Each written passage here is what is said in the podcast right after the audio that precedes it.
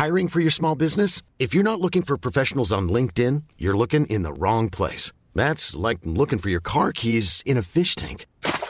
LinkedIn helps you hire professionals you can't find anywhere else, even those who aren't actively searching for a new job but might be open to the perfect role. In a given month, over 70% of LinkedIn users don't even visit other leading job sites. So start looking in the right place. With LinkedIn, you can hire professionals like a professional. Post your free job on linkedin.com slash people today. Burrow is a furniture company known for timeless design and thoughtful construction and free shipping. And that extends to their outdoor collection. Their outdoor furniture is built to withstand the elements, featuring rust-proof stainless steel hardware, weather-ready teak, and quick-dry foam cushions.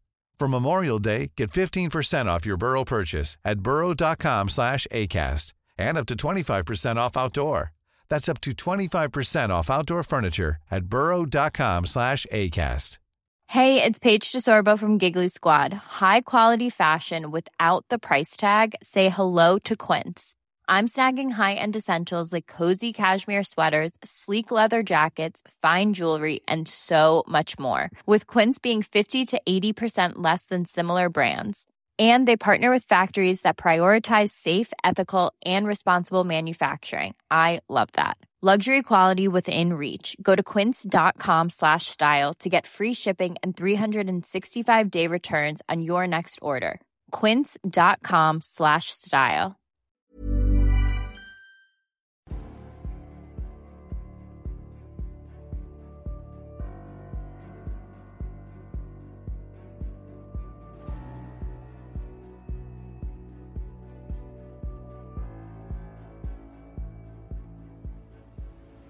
Du lyssnar på podcasten Samtal, en podcast med fokus på fria samtal. Jag heter Jannik Svensson och jag vill bjuda in dig till vår samtalsgrupp på Facebook. Länk till den hittar du på hemsidan www.samtal.ax. Jag blir också superglad om du vill vara med och hjälpa att stödja det här projektet. Det kan du göra på www.patreon.com samtal eller genom att swisha mig på nummer 070-3522 472. Länkar och nummer hittar du på hemsidan www.samtal.ax. Jag släpper nya samtal varje onsdag året runt och tar tacksamt emot tips ifall det finns någon du vill höra i podden. Idén bakom podden är att fokusera på fria samtal. Vi tror att öppenhet är grunden för det demokratiska samtalet och vill uppmuntra dig som lyssnar att exponera dig för samtal med någon du inte håller med om. Jag heter Jannik Svensson och du lyssnar på podcasten Samtal. Johan Grant är doktor i psykologi och driver eget företag inom psykologi och organisationsutveckling. Välkommen hit Johan. Tack så mycket. Och nu säger jag som jag säger i alla poddar, eller tack för att jag har fått komma till dig, för vi sitter i ditt hem, i ditt hem nu. Ja, det gör vi. Och min hund har just kissat på din matta. Ja. Byracka. Ja, det är lite pinsamt. Nej, det gör verkligen ingenting. Det löser sig. Mm. Hon, hon känner ju lukten, hon, hon är inne i löp nu, och, så hon känner lukten av att det har funnits en herreman i närheten Mm. som hon vill imponera lite på. Och tyvärr så imponerar hundar på det sättet. Kan du någonting om hundpsykologi? Väldigt lite faktiskt. Men, ehm, ja, men jag, jag, jag förstår och, en del och jag tycker det är intressant att höra människor som har djur överhuvudtaget och vilka förhållanden de har till djur. Mm. Jag tycker det är så spännande just med, med hundar och med rangordning, deras hierarkiska system och sånt. Jag berättade för en kompis häromdagen eh, som skulle ta hand om, om Luna då när jag var eh, iväg i några timmar. Berätta lite om hur man ska, alltså för att hon ska känna sig trygg så behöver hon ha någon som har, tar kommando över henne Mm. och verkligen säger åt henne att nu, nu, nu är det det här som gäller. Mm. Och om hon hittar någon som daltar med henne och som kommer och klappar henne på magen när hon vill det och så, då kommer hon bara bli gnällig och så blir det bara mer och mera. Mm. Eh, och då visar jag just den här grejen med att om jag vänder mig mot henne, tittar på henne och säger hennes namn, då sänker hon öronen Mm. för att visa liksom Mm. att jag är, jag är liksom, jag är under dig i rangordningen. Jag är Mm. under, underkastar mig det. Så det tycker jag, det finns, det, jag kan grotta ner mig hur mycket som helst i hundpsykologi, för den är ju lite lättare än människopsykologi, kan jag tänka mig. Mm. Det är den. Du har ju sysslat en del med människopsykologi, du är doktor i psykologi. Ja, jag är doktor i psykologi och legitimerad psykolog så jag har jobbat i nästan 30 år med eh, människor på olika sätt. Mm. Och hur länge tar det att doktorera i psykologi? Det måste ju ta hur länge som helst. Sju år eller något sånt, akademiska studier. Ja, alltså först en psykologutbildning, en femårig utbildning plus ett års praktik. Um, och sen uh, började jag kom i en miljö där jag, när jag började som psykolog, där vi också jobbade med forskning. Och uh, då bestämde jag mig för att också doktorera fyra års heltidsstudier, så totalt nio. Så när, när började du? När studerade du första året? Jag började eh, plugga 86 och då var jag 21. Uh, och sen så var jag färdig 92, psykolog. Och sen disputerade jag 2002. Och vad, vad fick det att, att lockas in till, till det här ämnet? Det är, väl, det är väl typ 80% kvinnor som läser det också idag? Ja, 75, 70 i alla fall. Mm. Ja, det, det, är en speciell historia. Jag, eh, det, var en, det var inget självklart var för mig. Jag är uppvuxen i Hässelbygård. Jag vet inte om det säger dig någonting. Men det, ja, men det är, det är ett stökigt område idag. Det, ja. Då var det ju jättefint på den tiden kan jag tänka mig. Ja, det var, jag var växt upp precis i, på något sätt, 70-talets, um, ehm, där det var mycket ideal då. Hässelbygård var, liksom, det kallades för de här ABC-områdena och där, det var ju liksom för för medelklassen som växte fram på den tiden och det var väldigt, det var liksom Alva och Gunnar Myrdals Sverige väldigt mycket. Det var en dröm på många sätt. Men eh, jag växte upp precis under den tiden då också då liksom, det kom mycket förändringar i skola och sådär som liksom lite slarvigt brukar kallas för flumskolan. Och jag såg, eh, det präglat mig tycker jag rätt mycket, att liksom de här idealen och sen så kunde man inte riktigt kanske hålla efter dem på alla sätt så att det blev liksom det förföll också. Så att jag växte upp i Hässelby på den tiden då det liksom, kan man säga, liksom gick lite ut för. Eh, så, eh, ah, så jag kom från en miljö som inte var akademisk alls och det var ju inte, jag var alltid duktig i plugget och var liksom, hade i alla fall höga ambitioner. Sen var jag nog lite lat emellanåt också. Men eh, så jag visste ganska tidigt att jag ville utbilda mig. Men eh, det var ju inte självklart att just bli psykolog kanske om man kommer från den miljön och man är kille och sådär. Men var det typ att du började läsa en bok av Freud när du var 16? Och... Precis. Och blev liksom lite sådär. Sen bara, ja men det här ska Ja men jag blev liksom fascinerad. Jag hade någon sån här period då jag var 16-17 år. Då jag liksom började läsa stora tjocka böcker. Jag trodde att man fick tjejer på det viset. För det var en god vän till mig. Det gäller bara om man är socialist. Alltså är det så? Ja. Aha. De får tjejer på att läsa stora tjocka böcker. Okej. Okay. Det, det där, berätta. Alltså för hur, hur, hur gör de andra då? Borg, borgarna? Nej, borgarna. Nej, men där ska vi, alltså borgarna, och nu pratar vi ju fördomar. Nu är vi ju inne på, alltså riktigt längst ut på fördomar. För säkerhets skull. Ja, men, men eh, alltså jag, jag utgår ifrån att jag läser ju väldigt mycket stora tjocka böcker och jag får inga tjejer på grund av det. Ja. Men däremot så är det socialister som, som, som har hur mycket tjejer som helst som läser stora tjocka böcker. Men du vet, de får, det är liksom, jag lärde mig det där att det, det är så här, tjejerna, då funkade det i alla fall så att ja, men de kommer prata med mig på, liksom tidigt på kvällen. Så här, för, och då vill de snacka om massa saker och det kunde de ju göra med mig då. Sen, sen men när klockan blev tolv, då stack de ju liksom med någon mera så här tvålfager typ. Som de, cool, de coolare. som var lite coolare på ett annat sätt. Som hade läderjacka och så här backslick. Ja, just det. Och liksom körde mopp och så här. Um, så det kan nog vara på lite olika sätt det där. Det är inte alltid som det ser ut. Så att, um, men, ja, men det ligger nog något i, lite i det där. Men som, som, som 16-17-åring då, du, bör, du började läsa böcker. Vad var det för slags böcker du började läsa? Ja, jag läste totalt osorterat eftersom jag inte liksom kom från ett hem där det fanns ett bibliotek och någon slags guidning i det så var det ju väldigt så här, slumpartat. Men, men jag nosade ju helt enkelt upp alla stora tänkare och författare utan att riktigt förstå hur de var ihopkopplade och så, så eh, läste jag. Och väldigt mycket av det där kommer jag ihåg att jag jag förstod liksom inte. Jag tyckte det var ganska jobbigt. Och framförallt James Joyce, kommer jag ihåg, Ulysses och sånt där. Jag tyckte det var en jävla tråkig bok. Och eh, Goethe och sånt där. Skittråkigt. Men, men jag läste det liksom från, från perm till perm ändå. Jag var liksom disciplinerad och jag var väldigt så här, hade ett väldigt begär av att liksom ta till mig. Och eh, mellanåt då så förstod jag ju plötsligt också saker och eh, ja, men jag upplevde ju skönheten i alltså både i stor litteratur och eh, eh hos stora tänkare. Så när, när fick du ditt första aha moment? Att du, du läste en bok och förstod vad det handlade om?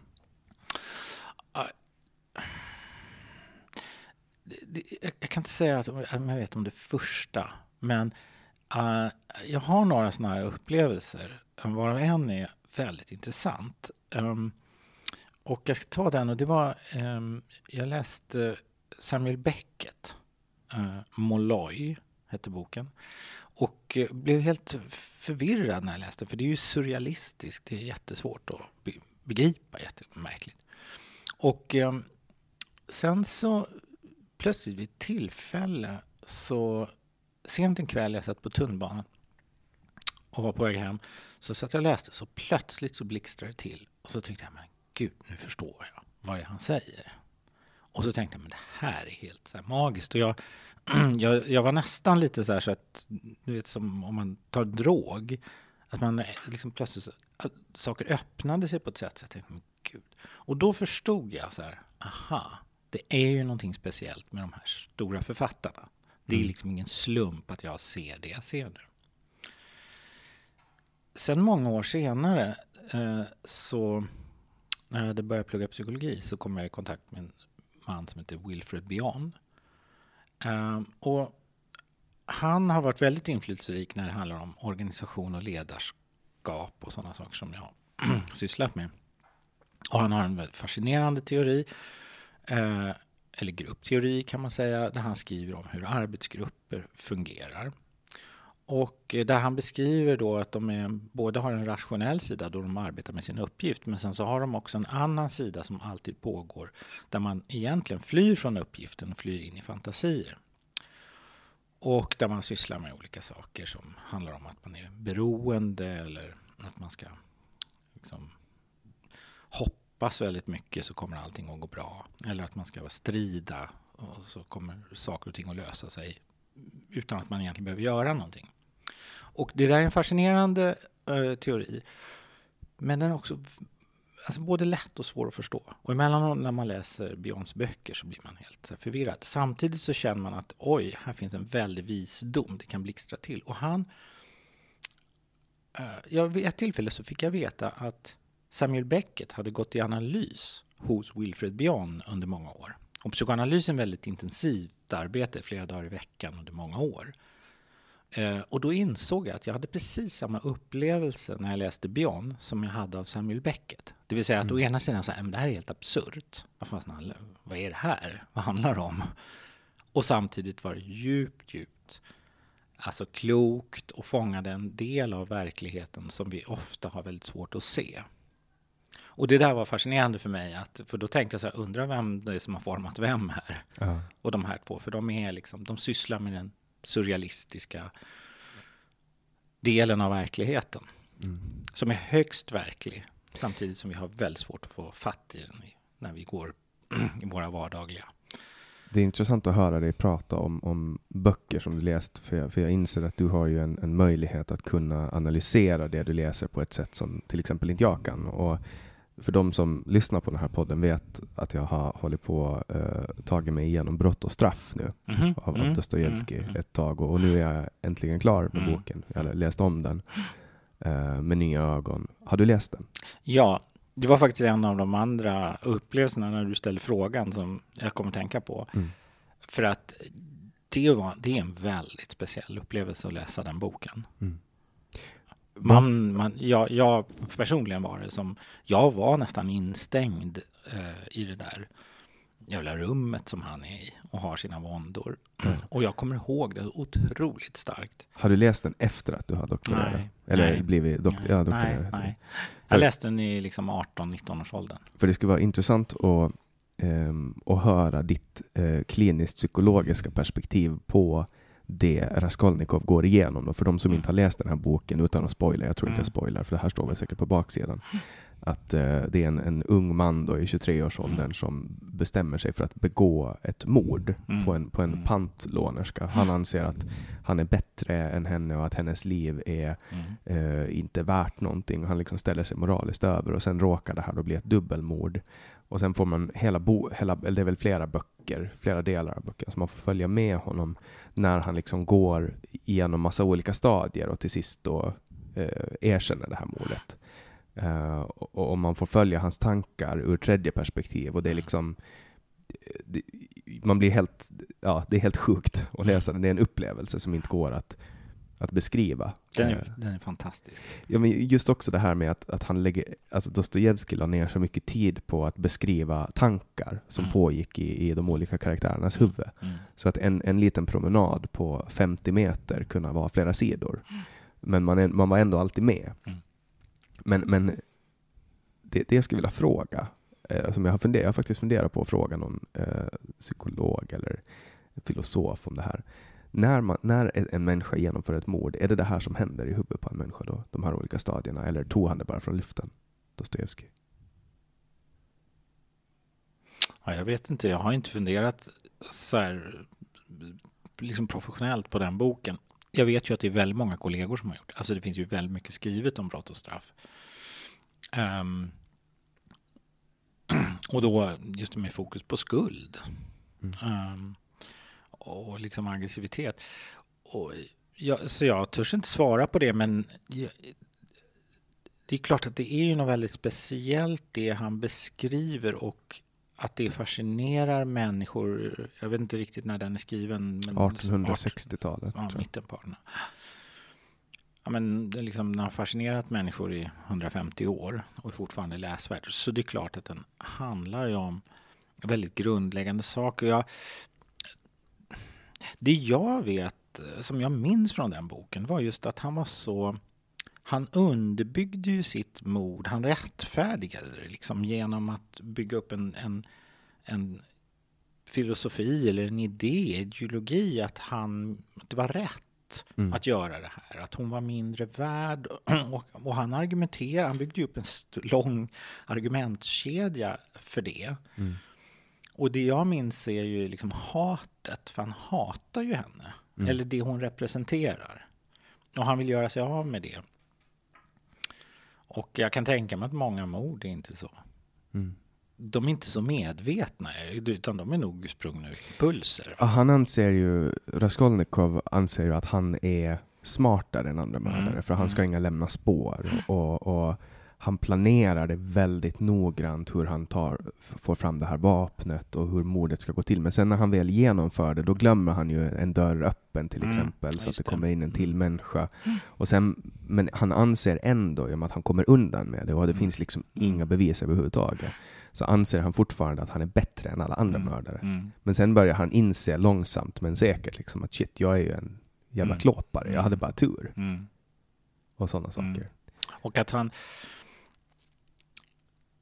Eh, och det där är ju liksom det narcissistiska som beskrivs, alltså den här idén om alltså att man är mera värd än andra och man rättfärdigar sina handlingar. Och sen det som är en intressant sak då, det är just att han det omedvetna, trots att han är så planerad och så noggrann, så sipprar det omedvetna igenom. Och en vanlig liksom analys, psykologisk analys är ju att när man begår brott och att brottslingar ofta lämnar spår efter sig därför man också vill eh, åka fast. Mm. Att man vill liksom inte... Ja, det är ju kontakten med verkligheten. Alltså att man faktiskt återförs till verkligheten genom att brottet beivras. Mm. Har du jobbat med mördare? Nej.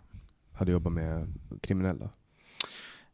Nej, jag har aldrig jobbat med kriminella. Jag har, eh, jag har träffat på en och annan kriminell eh, ehm, i mitt jobb. Framförallt kanske tidigt i min karriär när jag jobbade med forskning och, och utvärdering av olika behandlingsmetoder. Så, men sen, ja, sen har jag säkert träffat en mängd brottslingar. För jag, liksom, jag har jobbat i näringsliv och i offentlig förvaltning och där har jag ju träffat folk som jag ser myglar. Mm. Jag tänker som du har liksom fått analysera deras eh, beteendemönster och så vidare. Nej, det kan jag inte säga. Varför är folk så jävla fascinerade av mord?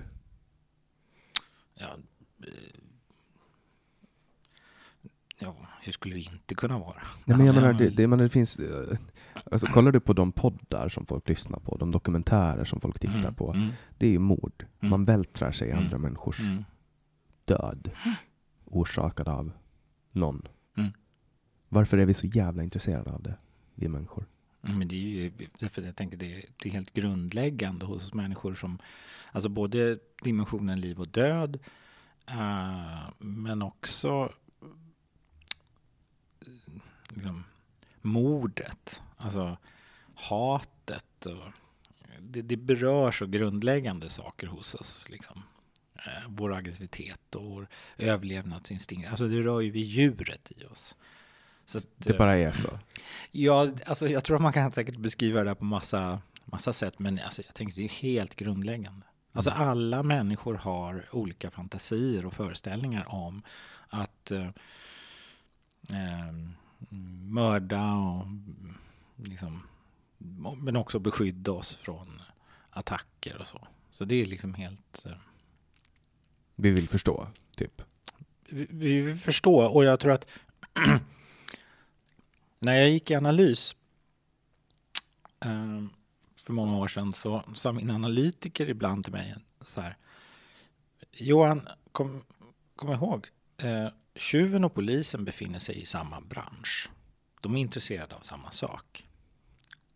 Och det där tyckte jag var intressant för att han sa ju ofta det kanske i sam, något sammanhang där jag kunde tveka över eller liksom tvingas erkänna att jag kände vissa saker eh, som var omoraliska eller kanske tvärtom om jag ville på något sätt presentera mig själv som väldigt moralisk så kunde ju han vilja lyfta upp men det finns en annan sida av det här också.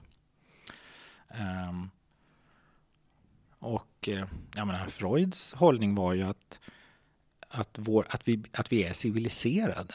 Det är ett sätt att trycka undan och hålla tillbaka våra djuriska instinkter. Han utgick ju från att vi är biologiska varelser. Vi har väldigt mycket alltså djuriska instinkter och han intresserade sig för okej, okay, vad gör vi av dem när vi liksom civiliseras och utvecklas? Mm. Så han, ja. Ofta är det ju de som hamnar i medieljuset, det är ju seriemördare, typ Ted Bundy och sådana som folk håller på att vältra sig i. Men det är väl bara en mycket, mycket, mycket liten del av alla de mord som sker. sker alltså som genomförs av, av seriemördare och sådana som verkligen njuter av det. Ja, det tror jag. Det tror jag. Och jag går tillbaka till din fråga där om brott och straff. Är det en, är det en beskrivning av hur det ofta går till? Och det, det, tror jag inte. Därför att jag tror att impuls, alltså mord och allvarliga brott, det är impulser. Ofta. Alltså som inte alls är särskilt väl genomtänkt eller planerat. Ja, eller, eller det beror på, ur ett juridiskt perspektiv så är alltid ett mord överlagt och dråp är mer Ja, impulsivt. ja, mm. Men beroende på hur man definierar det såklart. Mm, mm. Um, men jag tänker njutningsmord, sådana som får ut någon form av tillfredsställelse i att, i att ta en annan människas liv. Det är väl extremt liten Oh ja. andel. Oh ja. Men det är det, därför att vi har så många lager av skydd. Men det som jag tror är en, en eller är övertygad om, eller jag kan till och med påstå att jag vet, därför att jag har liksom arbetat med det på olika sätt, det är att alltså, om vi skalar, går lite djupare ner i oss som människor, så finns liksom också, det finns en lust eh, förknippat med eh, död och våld och mord. Och, alltså, vi har det någonstans liksom nere i, ner i, i källaren. Som bakom en enkel impuls vi har i vardagen att vi är jävligt irriterade på kollega eller vår chef eller vad det nu är.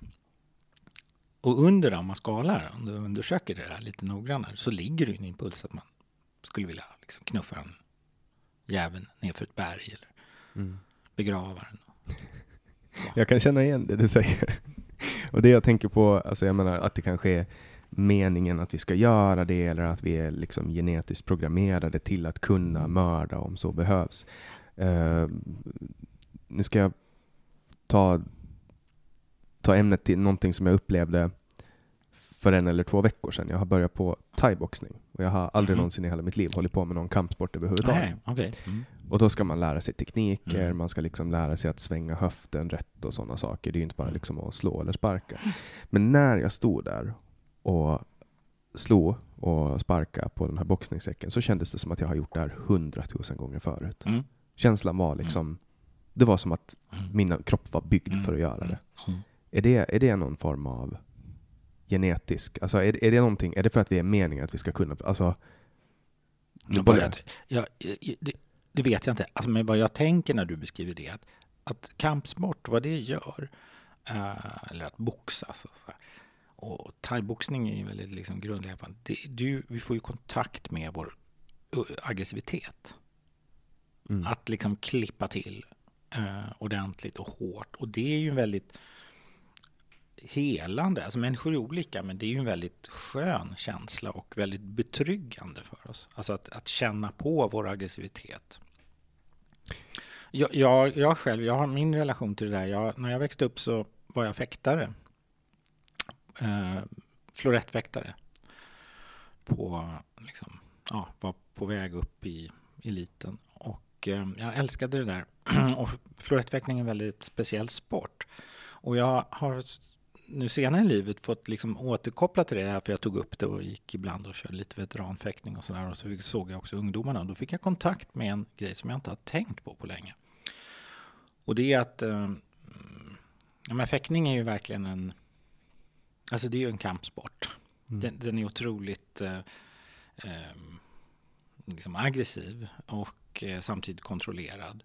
Eh, och just framförallt i florettfäktning eh, kan- Det är alltså den här när de har så här nätmasker och, och har ena handen bakom ryggen och, och Ja, fäktas med ett svärd. Ja, precis. Ja, alltså modern sportfäktning. Ja. Och där finns det tre vapen. Man kan fäkta värja. Då får man träffa över hela kroppen. Eh, och där är inte så mycket regler. Den som träffar, träffar. Och det är ganska mycket taktik och försiktighet. Att se till att man inte blir träffad. Och då är risken är att du blir träffad på handen. För den, det är ju den du sticker fram. Mm. Eh, så finns det sabelfäktning. Där får du hugga och då får du bara träffa bålen. Och då dömer man också. Så det är den som har initiativ som får poäng. Så det räcker inte med att du bara träffar mig. Utan du måste också ha initiativ. Du ska driva på. Liksom, Du ska vara den som har right of way, heter det på engelska. Alltså, driva den andra bakåt och kontrollera precis. ringen ish. Precis. Så, Det är ju ja. en pist där. Men, så att det är till exempel om du attackerar mig och jag gör en parad, heter det. Jag avvärjer din attack. Då är det jag som har initiativet. Så då har det vänt på en gång. Och då, då kommer jag gå fram på dig. Och så kan ju du, och det här kan gå fram och tillbaka. Men det handlar hela tiden om att ha initiativet. Och det som är intressant med den sporten så slog mig nu att det har präglat mig väldigt mycket på ett sätt som jag kanske inte riktigt hade tänkt på tidigare. Det är att höjdpunkten där det är att du ska förödmjuka motståndaren. Mm.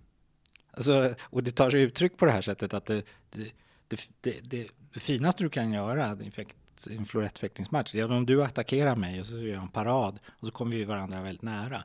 Och då, kan, då är det svårt att sticka, så då sticker man över huvudet så här. Mm. Och så sticker du den andra i ryggen. Oerhört elegant.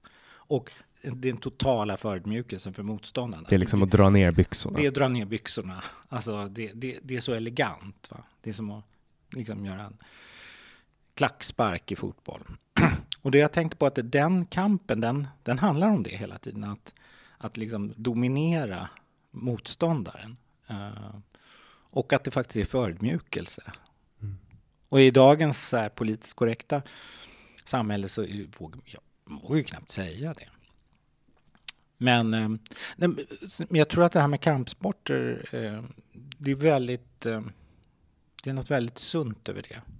Det är ganska skrämmande med boxning och sånt där, när man faktiskt klipper till varandra rejält. Men det är ju någonting fascinerande med det. Och jag har sett många exempel på senare tid. Så här, um, jag har en kompis som har en son som ah, han började liksom så här i tonåren och missköta sig och sådär.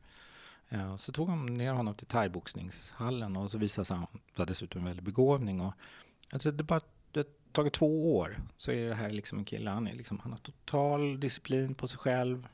Alltså, hans intellekt Mm. växer. Han, liksom, han lämnade den där lusten att gå ut i, ja, liksom utkanterna av där man ska vara. Mm. För jag, jag, upplever att det... Jag, jag är, för det första är jag ju extremt stel i höften. Okay. Och jag har överrörliga axlar och impingement i axlarna. Eh, så mina förutsättningar för att vara en bra thaiboxare är väldigt dåliga. Jag är också extremt slagrädd. Men, mm. men jag upp, upplever en, en otroligt skön känsla mm. av att matta ut mig på en boxningssäck och dagen efter. Uh, och när jag står där och, och, får in det här flödet, att jag får med höften och så vidare, då känns det som att jag har gjort det hundratusen gånger förut. Mm. Jag vet inte varför den där känslan av, av igenkännande kommer. Men det är väl en, det är en del av dig som en, en, sida av dig och din karaktär som du kanske längtade efter och kanske aldrig har utvecklat riktigt heller. Mm. Va, va, va, eller vad tänker du själv? om du liksom utforskar den där upplevelsen, av, vad, är, vad är det du tycker så mycket om? Vad, vad har du för associationer? Alltså jag, tänk, jag tänker, så här, min, min första spontana tanke drar iväg till det andliga. Typ som, ja men har jag gjort det här i ett tidigare liv? Mm -hmm. Ja men det mhm. kan det, så, det, det, nej men det kan, så kan det inte vara för vi lever ju bara en gång. Typ, och, och så blir det en sån konfliktande, jag vet inte varför. Det, det är samma som, en, ett annat exempel är att um, min, min kompis Jonas tog med mig på ett trav i februari. Och då var jag hästrädd. Mm -hmm. Och nu har jag varit med honom så mycket på trav att jag har ut, utvecklat ett starkt behov av att vara nära hästar.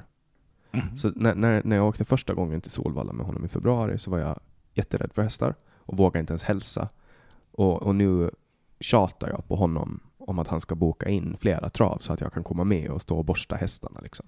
För att jag får ut så mycket. Och när jag står där, alltså jag har ända sedan jag gick på dagis, jag var med om någon, jag har svaga minnen om att vi var på något ridhus och någon föll av en häst och bröt armen. Liksom. Uh, och där har jag liksom kopplat hästar till livsfara, liksom. det är farligt. Och, och, folk har pratat om att de kan sparkas och sådana saker. Och nu helt plötsligt så kan jag stå inne i en box och eh, krama om en häst och liksom stå och borsta och fixa. Mm. Och då känns det som att jag gjort det hundratusen miljarder gånger förut. Mm. Men jag har aldrig gjort det förut. Mm. Och då, är det, då, är det, då går tankarna igen tillbaka till så här att ja, men kanske jag har gjort det tidigare i livet. Eller kanske det är bara att vi är genetiskt programmerade till att må bra av det. Jag mår jättebra av att vara med hästar. Nej, men det är väl, det är ju, om, liksom, om det är genetiskt eller kulturellt, men att det här programmet, att det, att det, det slår an djupt liggande sidor hos oss att behärska vår kropp och, um, eller en häst. Det, jag tycker inte att det egentligen är särskilt konstigt. Det är ju liksom ursprungligt att, att, att vi har kunnat tämja hästar. är liksom ursprung, en del av ursprunget till vår civilisation. Så det är inget konstigt att vi har djupt liggande ja, behov eller eh, associationer eller att det kan bli djupt, djupt meningsfullt på ett sätt som vi kanske inte kan rationellt förklara. Jag, jag, jag frågade dig tidigare, vad, men vad är det du känner, vad är det du lockas av i det där? Och då så svarade du, med thaiboxning, då sa du, jag vet inte varför. Och jag tror att frågan varför, den är lite svår då, för den leder in i någon slags rationell förklaring. Och mm. det är nog inte, där får man inte veta det där, utan det är mer att vad har du för, vad har du för betydelse, vad har du för innebörd för dig? Förstår du? Mm. Det är lite en annan sak. Men jag tänker, jag tänker att alltså jag har en, en hypotes som jag kom upp med nu. Och, och det kan vara, ha att göra med, jag är nykter alkoholist eh, och, och, jag har varit nykter i nästan fyra år, det blir fyra år i januari. Och, och, då är jag i grunden en beroende människa. Alltså jag tillhör mm. den här cirka 15 procenten.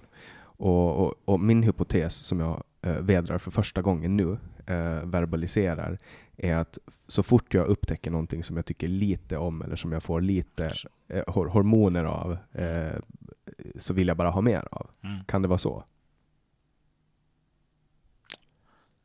Alltså, så, så, kan det säkert vara i någon slags objektiv mening. Men det är intressant att du frågar mig, kan det vara så? Samtidigt som du säger, för dig är det en meningsfull tanke. Alltså du ser en koppling mellan olika former av lockelse eller beroende som du har. Mm. Okej. Okay. Um, ehm, och, och då, jag tänker att om det, om det är liksom en meningsfull tanke för dig då kan du kanske fortsätta och utveckla den och, och, undersöka, är det på det sättet? Och kanske komma fram till att ja, men, jo, men det är det faktiskt. Det är ungefär samma mekanismer hos mig som gör att jag går igång på det där. Och, och spriten, alkoholen och vinet, det, det, liksom, det blir för destruktivt. Men jag kan liksom eh, jobba med samma beroende i förhållande till, till idrotter eller någonting annat. Mm. Och då är det inte skadligt och då bejakar det. Men all psykologi är väl kemi? I grund och botten. Jag tänker på signalsubstanser i hjärnan, det som reglerar mm. vårt beteende, inlärda mönster och så vidare. Alltså jag tillhör ju de som, jag tror ju att det finns korrelat, säger man på ett vetenskapligt språk. Alltså att det finns, jag tror till de flesta av våra, eller alla våra psykiska processer så finns det någon slags biokemiska mm, och andra korrelat som man skulle kunna mäta. Sen vad, i vilken riktning de där går, om det är liksom biologin som påverkar våra tankar eller tvärtom. Ja, det vet jag inte. Och det, det är väl det är sånt som man forskar mycket kring nu. Mm. Men jag tänker, alltså ett beteende. Alltså jag kan, om vi går till, det är alltid lättare att implementera på hundar. Alltså en hund, man, man pratar ju om positiva förstärkelser, att man ska förstärka olika beteenden. Och, och, jag tycker mig ha gjort ett ganska bra jobb med Luna till exempel när vi är ute och ska, hon ska kissa. Och då säger jag åt henne gå och kissa. Precis när hon ska kissa så kissar hon och då säger jag att hon är duktig. Mm. Och då kan vi, om vi har bråttom någon gång, jag vill ju alltid att hon ska få all tid hon kan få liksom. Men om vi har bråttom någonstans och, och, och, och, det behöver ske snabbt, så kan jag säga gå och kissa. Och så går hon och kissar. Mm. Och det är ju ett ord som kopplas till att hon kommer att få en belöning. Mm om hon genomför en viss handling. Och jag antar att människor beter sig på samma sätt. Alltså om man kollar på till exempel barn som blir curlade hemma. Mm. Har föräldrar som skämmer bort dem jättemycket. När de kommer ut i livet, då får ju de ofta ganska mycket stryk, alltså psykologiskt och ibland eh, fysiskt också, för att de inte är, de är inte beredda på det som kommer. Mm. Mm. Och när, när det kommer till sådana beteenden, de förstärks ju av kemiska signaler. Och fortsätt, och vad tänker du? Det låter som att du har liksom en... Jaha, nej, jag försöker bara återkoppla till det här att psykologi egentligen är kemi. Det, det, det, det är jag inte säker på, men det kan vi utforska. Det, varför att det är egentligen kemi? Varför är kemin så att säga större än psykologin där? jag du? tänker bara att, att alltså, psykologi är väl vetenskapen om hur vissa intryck påverkar den mänskliga hjärnan.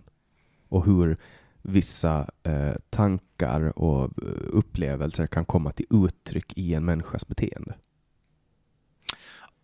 Ja, men jag tycker det, det är kanske en lite snäv definition därför att det är inte bara, det är inte bara hjärnan. Alltså, jag tror det är hela vårt nervsystem och och, och det, alltså jag tror inte det bara det är inte bara hjärnan. Eh, sen är det ju också så att det område som jag kanske kan mest om, det som är socialpsykologin, den, där, finns det ju också en väldigt massa fenomen som um,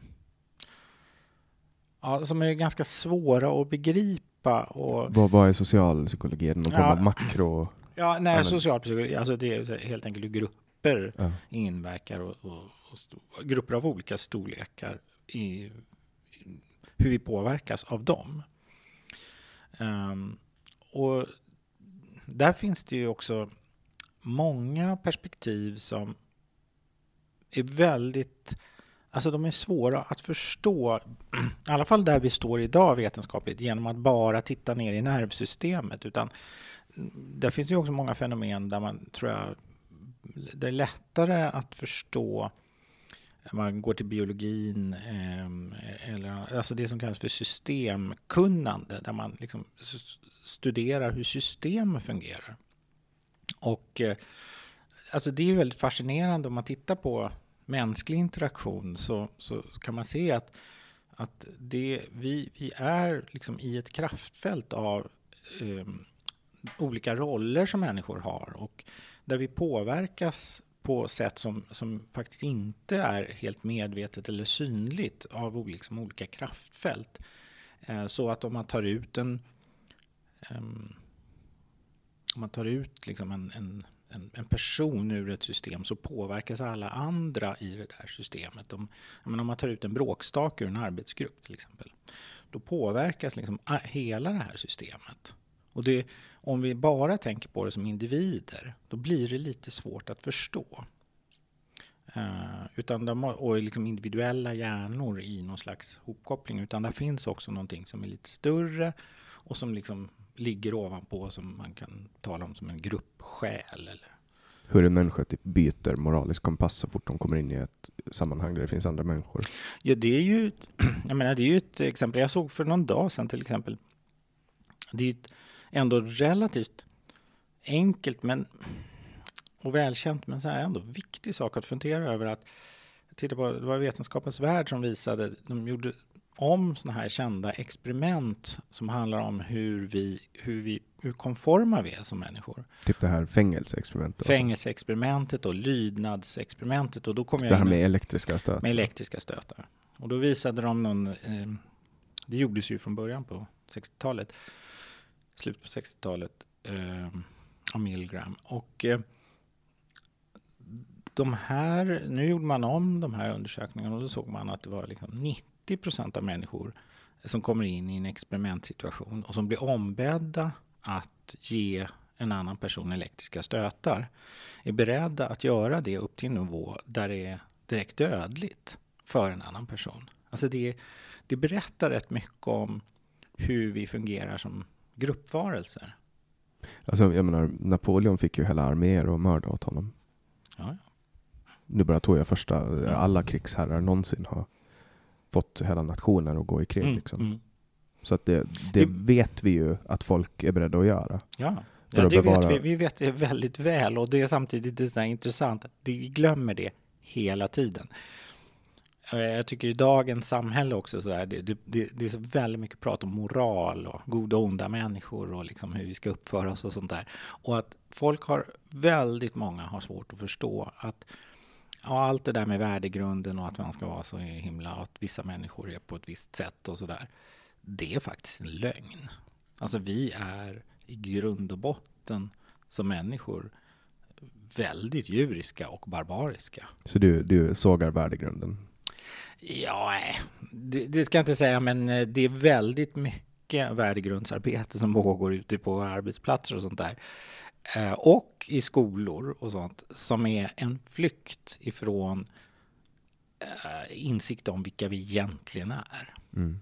De som börjar prata om värdegrund varnar samtidigt om att, att det lätt kan eh, nyttjas på fel sätt. Och jag tycker att hela det här begreppet har blivit att nyttjas på rätt sätt. Det är ett sätt att, att uh, lägga upp en vägg mellan uh, vi och dem. Mm. Jo, att väldigt vi, ofta blir det. Vi är på den goda sidan.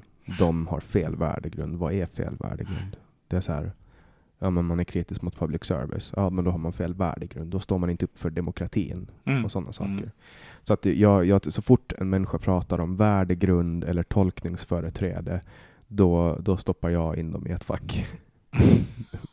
Och vilket fack stoppar du in dem i då? Nej men jag stoppar in, jag, alltså, jag, är, jag är inte villig att diskutera, eller jag gör ju det ibland, det händer att jag gör det, men jag är inte villig att liksom dansa med någon som anser att, um, att man ska sluta prata med någon bara för att de um, har en annan åsikt om, om vissa saker. Jag tycker fortfarande man kan pra prata med folk och, och även om man kanske inte förändrar människornas syn på saker så tycker jag ändå att, att man måste kunna samarbeta i vissa Men det här är ju, det är ju jätteviktigt. Det är ju det sätt vi har att påverka varandra. Alltså det, det finns en... Nu, nu, det, här, nu, det här går jag igång på. Mm. Alltså, det sätt vi har att utveckla vårt samhälle på, det är, ja, vi har flera i och för sig, men grunden är, det är faktiskt samtalet. Och när vi slutar tro på, och idag är det ju väldigt mycket så här, nej men jag respekterar din upplevelse och man ska inte uppröra, man kan, in, man kan inte påverka varandra. För det, och det är typ att påverka varandra är typ fult. man ska respektera, heter det. Uh, och jag tänker att det där är väldigt märkligt alltså. Uh, och i botten så på det här mjuka pratet som det ofta är, det är inpackat i mjukt, så ligger det auktoritära idéer under. Mm. Som innebär att, liksom på någon slags omedveten nivå, att om jag, om du och jag grälar, så är det liksom farligt. Och ofta så tror jag att många av de här som förespråkar de mjuka värdegrunder och sånt där, många gånger så ligger en idé bakom att jag är så mycket starkare och bättre än dig. Så att om jag skulle säga, om du och jag verkligen skulle gå till botten med en diskussion så skulle jag krossa dig. Mm. Och därför ska jag avstå från det. Jag hade, Men jag, jag menar, det, det är väl meningen att vi ska påverka varandra? Ja. Jag hade en diskussion bara häromdagen med en person om n-ordet. Där, där personen förkunnar för mig att han tycker inte att, att folk ska, ska använda det. För att han blir, han blir ledsen av det. Och jag respekterar det. Uh, och jag använder inte ordet. Men samtidigt sa jag till honom då som, som vän att jag tror inte att det är bra att man låter sig själv påverkas så mycket av ett ord att man slåss. Om man hörde. För han sa att han skulle slå den som sa det. Och jag, jag, jag tycker personligen att, att man ska inte använda ord som folk blir ledsna av för att jag vill inte göra någon ledsen. Och till den, till den delen är jag, är jag konformistisk. Men samtidigt förklarar han för mig att det här ordet symboliserar slaveri och, för mig och, och att jag ägs av någon. Och, och då sa jag att alla har rätt till att, att uppleva vad ett ord betyder. För mig betyder inte det samma sak. Mm, Därför att jag, jag växte upp i, i ett samhälle där man det fortfarande man kunde köpa negerbollar i, i butiken och så vidare. och så vidare. Och det försvann där i början på 2000-talet, men jag kommer fortfarande ihåg det. Mm. Det var alltså, så att jag har absolut, absolut ingen kolonial anknytning till det ordet, utan du vet, det var Pippi Långstrump och, och, och där hennes pappa var negerkung och så. Så att för mig finns det inget sånt och, och, om han upplever det så, så accepterar jag det. Och jag kommer inte att säga det. Men, men min, min ledande tes gentemot honom var att låt inte ett ord ha den makten över dig. Låt, alltså så här, det finns ingenting han kan säga till mig som triggar mig. Det finns inte ett ord han kan säga till mig som får mig att börja vilja slåss. Att då ger man ju samtidigt upp makten. Att, att man ger makten till andra människor. Man ger en akilleshäl. Um, men det där är intressant. Får jag utmana dig? Att utmana mig. Utmana ja. mig. Jag, jag står fortfarande outmanad i den här. Ja, nej men och det där, därför för, först måste jag bara förstå, den här killen, din kompis, va, Mm. är han eh, svart, brun? Han är svart. Okej. Mm. Och när han säger att jag tycker inte om det här ordet, jag tycker inte om att man använder det. Okej, ja.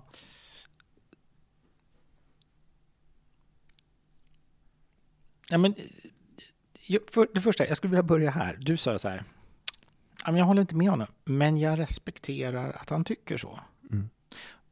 Vad betyder det? Vad menar du med, vad betyder det? Att du respekterar? Det betyder, det betyder att, eh, att jag väljer att inte använda ordet. Vilket Ja, jag, okej. och det, gör, det är ett aktivt val. Jag, jag använder bara det ordet i ja. metadiskussion. Ja. Och, och därför, av respekt, Så, så respekt, du är artig? ja. Och, och det är därför jag väljer att, även, även om jag har en helt annan ja. association till ordet. Ja. Fair enough. Jag menar, det, det, sådär. det är intressant. Det jag tycker att ert samtal borde fortsätta med är väl, okej, vad har det för innebörd för honom? Ehm, men också vad det har för innebörder för dig. För du, när du säger så här, ja, men jag växte upp så det betydde liksom ingenting. Ehm, det, mer, det, var, det var en beteckning på en, på en, en chokladbakelse som var färgad och så. Men jag tycker ju att det går att förstå um, båda de här sidorna. Därför att jag, jag tycker till exempel att just där med negerboll. uh, jag kan kosta på mig då säga det ordet, jag är brun. Och det var ju dessutom det ord man använde. Eh, vilket är ju någonting annat än att idag till exempel fortsätta insistera på att kalla det för det. För det, det jag, jag tycker så här, nej.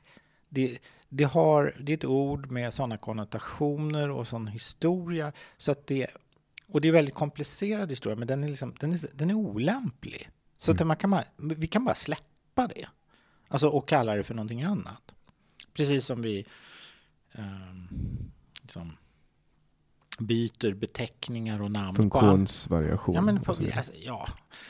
Alltså, men vi, vi, byter namn på olika saker. Att språket utvecklas med, med vår civilisation och vårt samhälle.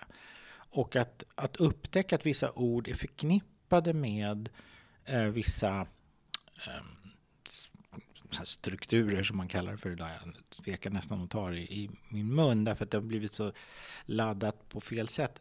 Det är inget fel med det tycker jag. Man, ska vara uppmärksam på språket och frigöra sig från det därför det formar hur vi tänker även om vi inte riktigt är medvetna om det. Så även om, man, om du till exempel inte har någon historia till ordet så kan du genom att använda det ändå bli en aktör i ett system som finns där under ytan som bevarar gamla idéer. Så att jag tycker att den typen av frigörelse och undersökning av ords betydelse är väldigt viktigt och användbart. Eh, det som har hänt i liksom, dagens samhälle, the woke eh, och politiskt korrekta, det är att man har alltså, man har ju lämnat det som, ett, som en kritisk analys för att förstå och utforska. Till exempel, vad betyder det här ordet? Vad har du för associationer till det, till exempel till din kompis? Vad, vad har det för innebörd för dig? Vad är det precis som du inte tycker om? Eh, istället så inför man någon slags regel, som är, och det, är så här, det bygger på magiskt tänkande. Om vi inte säger ord, rasistiska ord, då blir vi fria från rasism. Mm. Och det här måste man se upp med. Det är magiskt tänkande, kallar man det för. Det är som om. Jag är inte rasist om jag inte använder rasistiska mm. ord. Och en 95-årig dement dam som säger det är rasist. Är rasist. Mm. Precis. Och det, det, blir så här, det, blir, det får helt absurda konsekvenser. Va? Alltså, även tydligt markerade progressiva personer som använder fel ord vid fel tillfälle liksom blir utfrysna och utpekade. Och det, det skapar en... Liksom, vi lever lite grann idag i Alice i Underlandet, där människor springer runt i språkpoliserna. Och det, det, ser jag som psykolog, med liksom lång erfarenhet att se också, vad är det som ligger under ytan? Och då ska jag säga så här, inte alla, men hos påtagligt många av de här självpåtagna språkpoliserna, moralpoliserna och så, alltså de är de mest rasistiska de som har gjort minst, som, de, har, de har inte vågat läsa brott och straff. För de har ingenting med det där att göra. De förstår sig inte på mordiska impulser alls. Så de blir liksom hys, som hysteriska viktorianer. Mm. Det vill säga, du vet, de som, viktorianerna, de såg ju, de, de såg ju sex överallt. Mm. För de var besatta av sex. Mm. Freud, som Freud då? Ja, men det var ju, det, det var ju Freuds första upptäckt. Mm. Att han sa så här, varför är de så himla upptagna med att ta bort det här? Det är en naturlig del, men man är jätteskraj för den och därför ser man den överallt. Mm. Hela tiden. Och, det, och så kommer hans idé om projektioner. What you resist per, persist. Ja. Och alltså, det, här, så, att, så det, här, det här kan verkligen gå igång på. Att det här enorma, liksom, vilka ord får man använda sig Vi behöver prata om orden och, och fylla dem med innebörd. Och, och jag tycker också att, alltså, det vill jag säga till dig, jag, jag förstod ju din, jag respekterar det i den meningen artigt, nej men om du inte tycker om det så. Men jag kan ju fortfarande vara intresserad av att veta vad har du för innebörd? För där, där skulle ju du också kanske kunna i ett sådant samtal om han nu är genuin kring det. För det är också så väldigt många, även svarta människor, de använder ju det här. Det, det har ju blivit, de har ju blivit också itutade. Det här är fult, så här ska det här mm. ordet Fast det är okej, det är okej att de använder det. Alltså enligt, enligt honom så, så får svarta använda det. Ja, ja, precis. Ja, men det är väl så. Och det kan vara något rimligt i det. Va? Alltså så här.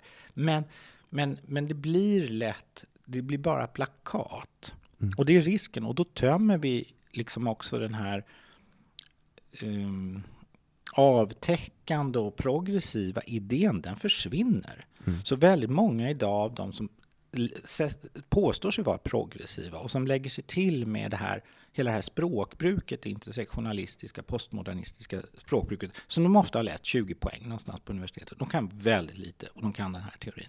Och så börjar de liksom apa efter och använda ett språk och det låter alltid så här. Berättelsen eller narrativet om eh, det, eh, det här och det här i vårt samhälle. Det, fin- det är ett språkbruk som du kan höra var det är hämtat från. Mm. Och det är ofta bara en fasad. Vad är det de försöker dölja? För jag antar att det ligger någon psykisk eh, eller psykologisk eh, mekanism bakom. Väldigt många är ju människor, det, är ju, det här är ju ett sätt att skaffa sig status idag.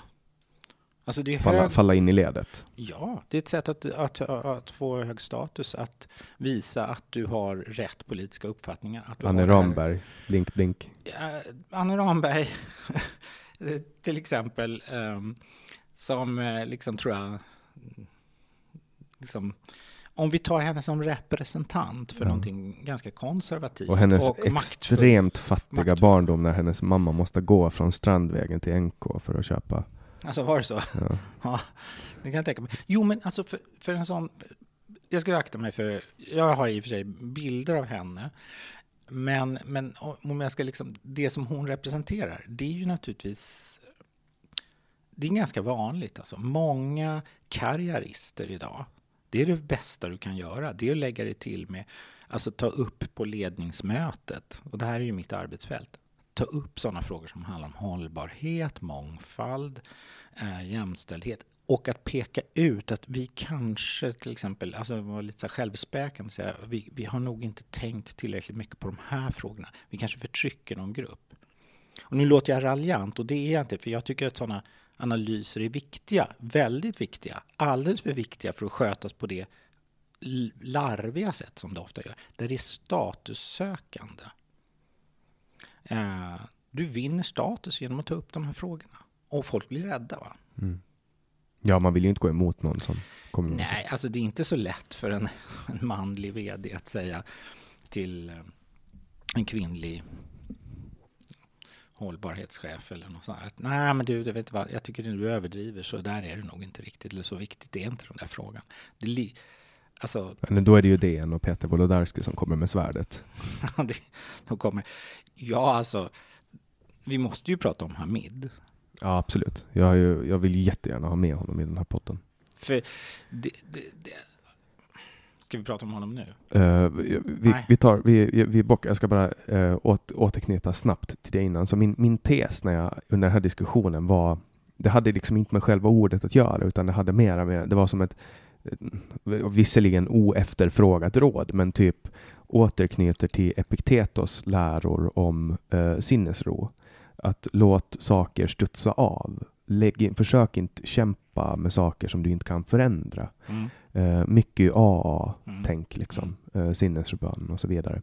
Att, eh, som, som att jag menar att jag vill aldrig låta ett ord ha makten över mig. Att jag vet att det är, det är en knapp som mina fiender kan trycka på Mm. när som helst. Mm. Och jag vill på något sätt transmitta det här till honom. Att du har en stark karaktär, du är en fighter. Du, Mm. du klarar av att leva ditt liv utan att ha den här exponerade varbölden som vem som helst kan komma och peta på och så bara exploderar den och så dör du av eh, blodförgiftning. Ehm, att det handlar inte om ordet i sig, det kunde vara vilket ord som helst. Därför att alla människor har olika associationer, som till exempel om du säger jude i, i svenska sammanhang, då kommer folk antingen att bli rädda eller hatiska, för Sverige är väldigt antisemitiskt. Mm. Om du säger jude i Israel, där är det en statusgrej, där Mm. ska det vara jude. Mm. Eh, Om du pratar om judar i vissa delar av USA, där är det också det högsta idealet. Liksom. Um, och går du till Tyskland och säger jude, då kommer folk att bli rädda och försiktiga. Liksom, att man, man är jätteförsiktig. Att det, där, det där är ett ord som, som bero, be, betyder helt olika saker. Åker du ner till Mellanöstern och säger jude så blir du liksom, kommer det stenar flygande. Mm. Så att ett, ett ord, det, ha, det har inte med ordet att göra, utan det har med själva den här mekanismen. Vill man vara den som har den här varbölden som bara hänger? Om du förstår vad jag menar. Men du säger väl att också det har med kontextet att göra? Absolut, Alltså orden absolut. är kontextberoende. Mm. Men det finns inget ord, du, du skulle inte kunna, det finns inget ord du skulle kunna säga till mig idag som fick mig att bli arg på dig. Du, skulle- du skulle inte kunna göra det. Du skulle säkert kunna få mig att bli arg, Mm. men inte genom att säga ett ord. Det ska inte gå. Jag har... eh, Jag vill lägga till en, en sak till, till det här. Som jag... Ja, vi får se om du tycker att det är meningsfullt. Men det finns... Vi pratar väldigt mycket om vad, vilka ord man använder och hur. Men väldigt sällan varför. Och eh, det är någonting som jag tycker vi behöver återupprätta. Så att man, man kan titta på, människor kan säga och göra olika saker. Men vi måste se intentionerna. Varför säger människor saker? Eller varför gör man saker? Eh, därför att annars blir allting väldigt ytligt och det pressar in oss i konformism. Om alla bara springer runt och försöker förhålla sig till olika regler och eh, värdegrunder och allt vad det nu kan tänkas heta eh, för att passa in. Och utan att göra några djupare reflektioner kring liksom varför till exempel man använder ett ord. Eller uppför sig på ett visst sätt. Det, det, så blir det liksom, det blir konstigt. Mm. Och det blir ytligt. Och, och det blir ju så för att det är så man gör. Folk ifrågasätter ju inte sådana saker. Mm. Alltså när man börjar ifrågasätta saker som till exempel ehm, en kompis skickade en, ett meme med en tandborste liksom där, där han skrev så här att ja, så här borstar du tänderna. Du tar tandborsten, sköljer den i några sekunder under vatten. Så sätter du på lite för lite tandkräm eller mycket för mycket. Och sen sköljer du den igen i några sekunder och sen borstar du tänderna i 20 sekunder och intalar dig själv att du har borstat dem i två minuter. Och sen är du klar. Och det är ju en sån sak som, alltså anledningen att man reagerar på en sån meme, nu är det ju mycket roligare om man läser den såklart, men det är ju den här igenkänningen. Mm. Att alla vet hur det är att vara lite för trött för att orka Mm. Lägga ner de här två minuterna som, som Mm. eventuellt kan spara en 3000 kronor vid årsskiftet. Liksom, när man ska till tandläkaren. Alla, alla vet, alltså, känner igen sig i det här. Eh, och, och då, den här, det här memet liksom på något sätt ifrågasätter eh, varför gör vi det här? Vi vet inte varför. Vet inte, varför gör folk ens den här att de sköljer tandkrämen? Du vet, det är ju bara en sak som folk gör. Gör du det? Att när du har satt på tandkräm så, så sköljer du tandkrämen. Nej, det gör jag inte. Men jag gör skulle jag aldrig göra. Nej, men jag ser verkar folk. inte klokt. Nej, men folk gör det. De, de så här efter att först sköljer de tandborsten, lägger på tandkräm och sen sköljer de liksom tandkrämen och tandborsten. Och du menar att, va, va, va, jag förstår inte vad menar du med att Nej, men att ifrågasätta saker som, som vi gör, att, att bli medveten om den processen. Ja. Att gå runt, nu bara tog jag det första exemplet som flög in, och vilket var ett ganska banalt exempel. Men, men det kan vara vad som helst. Alltså varför, ta, varför tar vi av oss skorna när vi kommer hem hos folk och varför gör inte tyskar det till exempel? Mm. Tyskar tar inte av sig skorna. Nej. De bara går in med skorna. Mm. Och här tar vi av oss skorna. Och vi, vi, vi, på vissa ställen i USA också tar de inte av sig skorna och där har de heltäckningsmattor. Varför har de heltäckningsmattor? Sådana saker liksom. Man, att, att stanna upp och börja ifrågasätta. Att man gör inte, man bara rättar sig i led. Det är så här vi gör. Och så är ju Sverige. Men menar du ifrå- ifrågasätta eller menar du inte reflektera? Ja, men ja, eller ja, reflektera kanske. Det, så- fort det kommer någon människa med hippiebyxor och går barfota, då blir man ju fundera på varför gör han så? Mm. Vad har han eller hon approprierat för kultur? Mm. Mm. Men, men i Sverige så, så rättar man sig i ledet. Man gör som de andra gör. Nej, men, eh, jag tycker att, att reflektionen och att fundera över olikheter, till exempel hur man kan göra saker på olika sätt eller vara på olika sätt och fortfarande till exempel vara del av samma familj eller arbetsplats eller kamratgäng.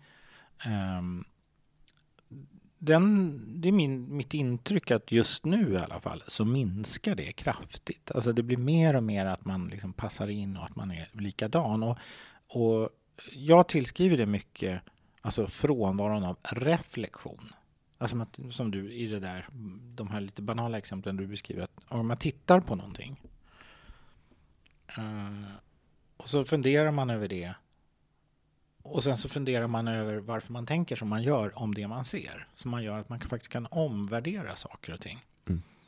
Men typ, som, nu kommer jag på en sak um, som jag har sett folk Har du rökt cigaretter? Har du varit en rökare? Mm, ja, ja. Jag, jag är fortfarande sån här, när jag dricker vin då röker jag cigaretter. Blåser du på filter för det? Nej. Har du sett folk göra det? Blåsa på Ja, filtret? så här. Blåser på filtret. Nej, det har jag sett. Det, det är någonting jag rökte i sju år. Ett paket om dagen. Och, så då var det så här, 20 gånger om dagen så tog jag upp en cigarett och blåste på filtret. Och det var jättemånga som gjorde det.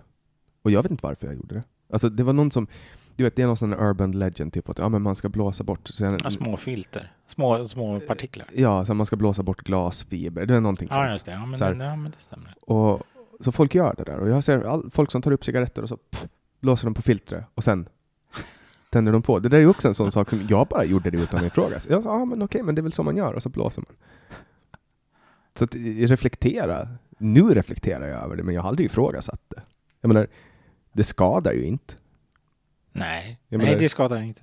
Jag ska ju ändå liksom att jag blåser ut lite extra luft. Jag ska ju ändå... Men vad betyder de här grejerna för dig? Att du liksom, eller det kanske inte betyder så mycket, det behöver inte betyda så mycket heller. Den, de här grejerna att du tänker på att vi gör små onödiga saker. Alltså jag ifrågasätter ju hela mänskligheten och vad vi håller på med hela tiden. Och reflekterar kanske. Men det är ju mörka tankar. Blir, blir de mörka?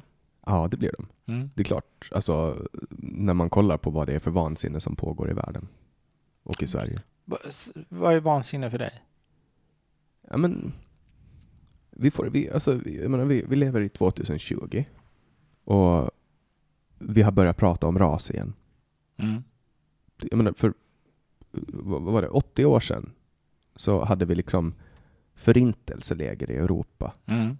Och, och, och judehatet var så starkt att man, man, man stoppade judar eh, för att komma in i Sverige och man kollaborerade med nazister och, och det var liksom rasbiologi var en grej och, och sen kommer vi ut ur andra världskriget och får reda på de här fruktansvärda sakerna som har skett i Tredje riket och, och, och, och, och sen jobbar vi gemensamt som mänsklighet mot en mer öppen och mer tolerant värld. Och sen är det bara någon korvstoppad jävel som bara totalt får en hjärnblödning och kantrar hela skiten med att nu ska vi börja prata om raser igen.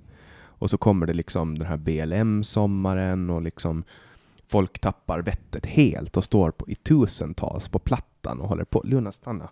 Du får sitta och vara snäll nu.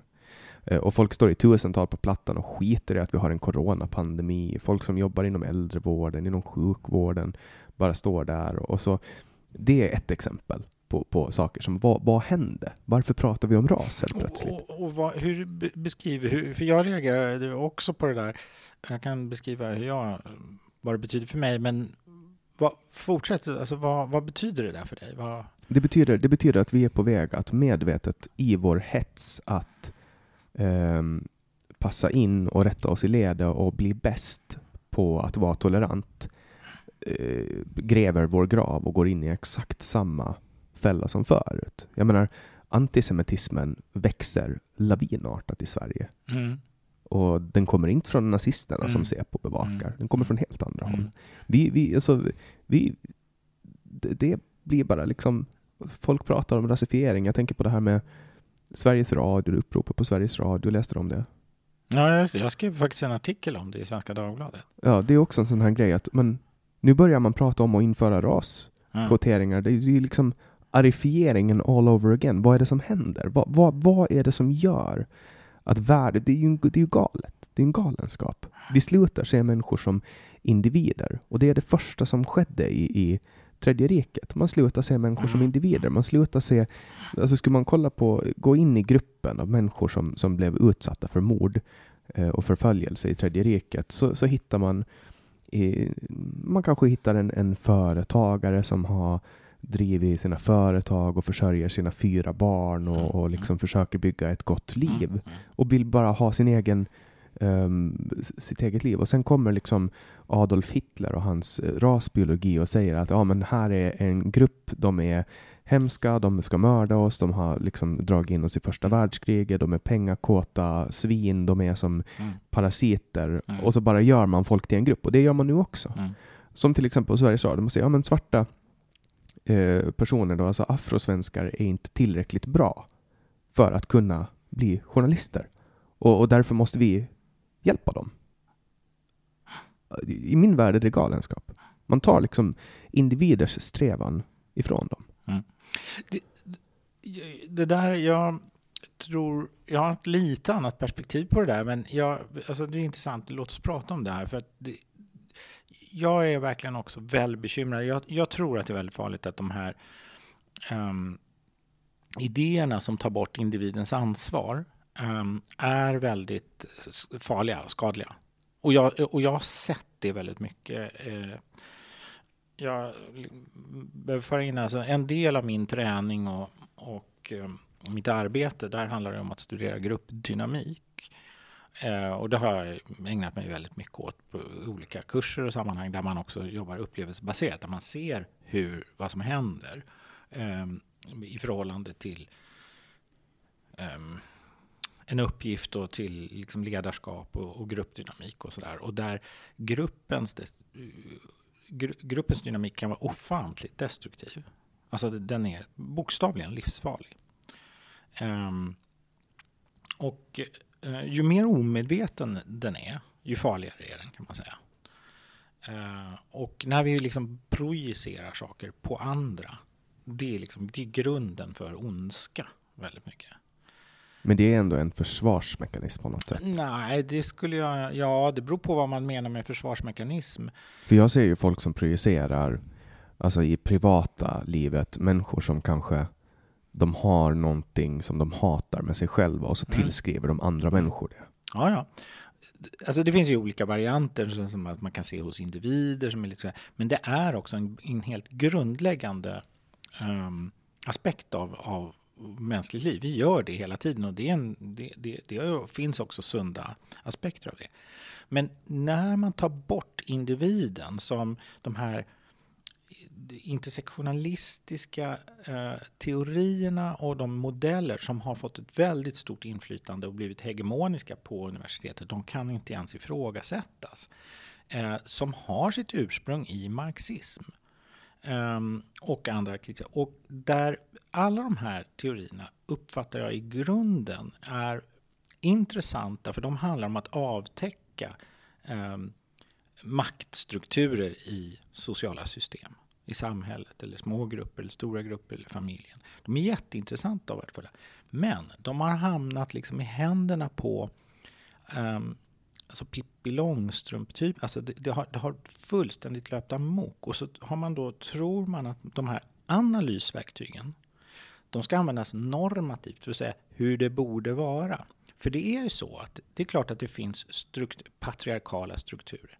Det finns matriarkala strukturer också för den delen. Och de ska man, kan man titta på och avslöja och se vad de gör med olika människor så att även, och grupper. Va? Så att när du gör någonting så gör ju du inte det bara som Jannik och med din personliga historia, utan du gör det också som representant för unga män och lätt rödhåriga och allt vad det, alla olika grupptillhörigheter har. Det här kan man använda för att förstå vissa saker. Men när vi börjar använda det som norm för hur det skall vara, då händer det någonting radikalt annorlunda.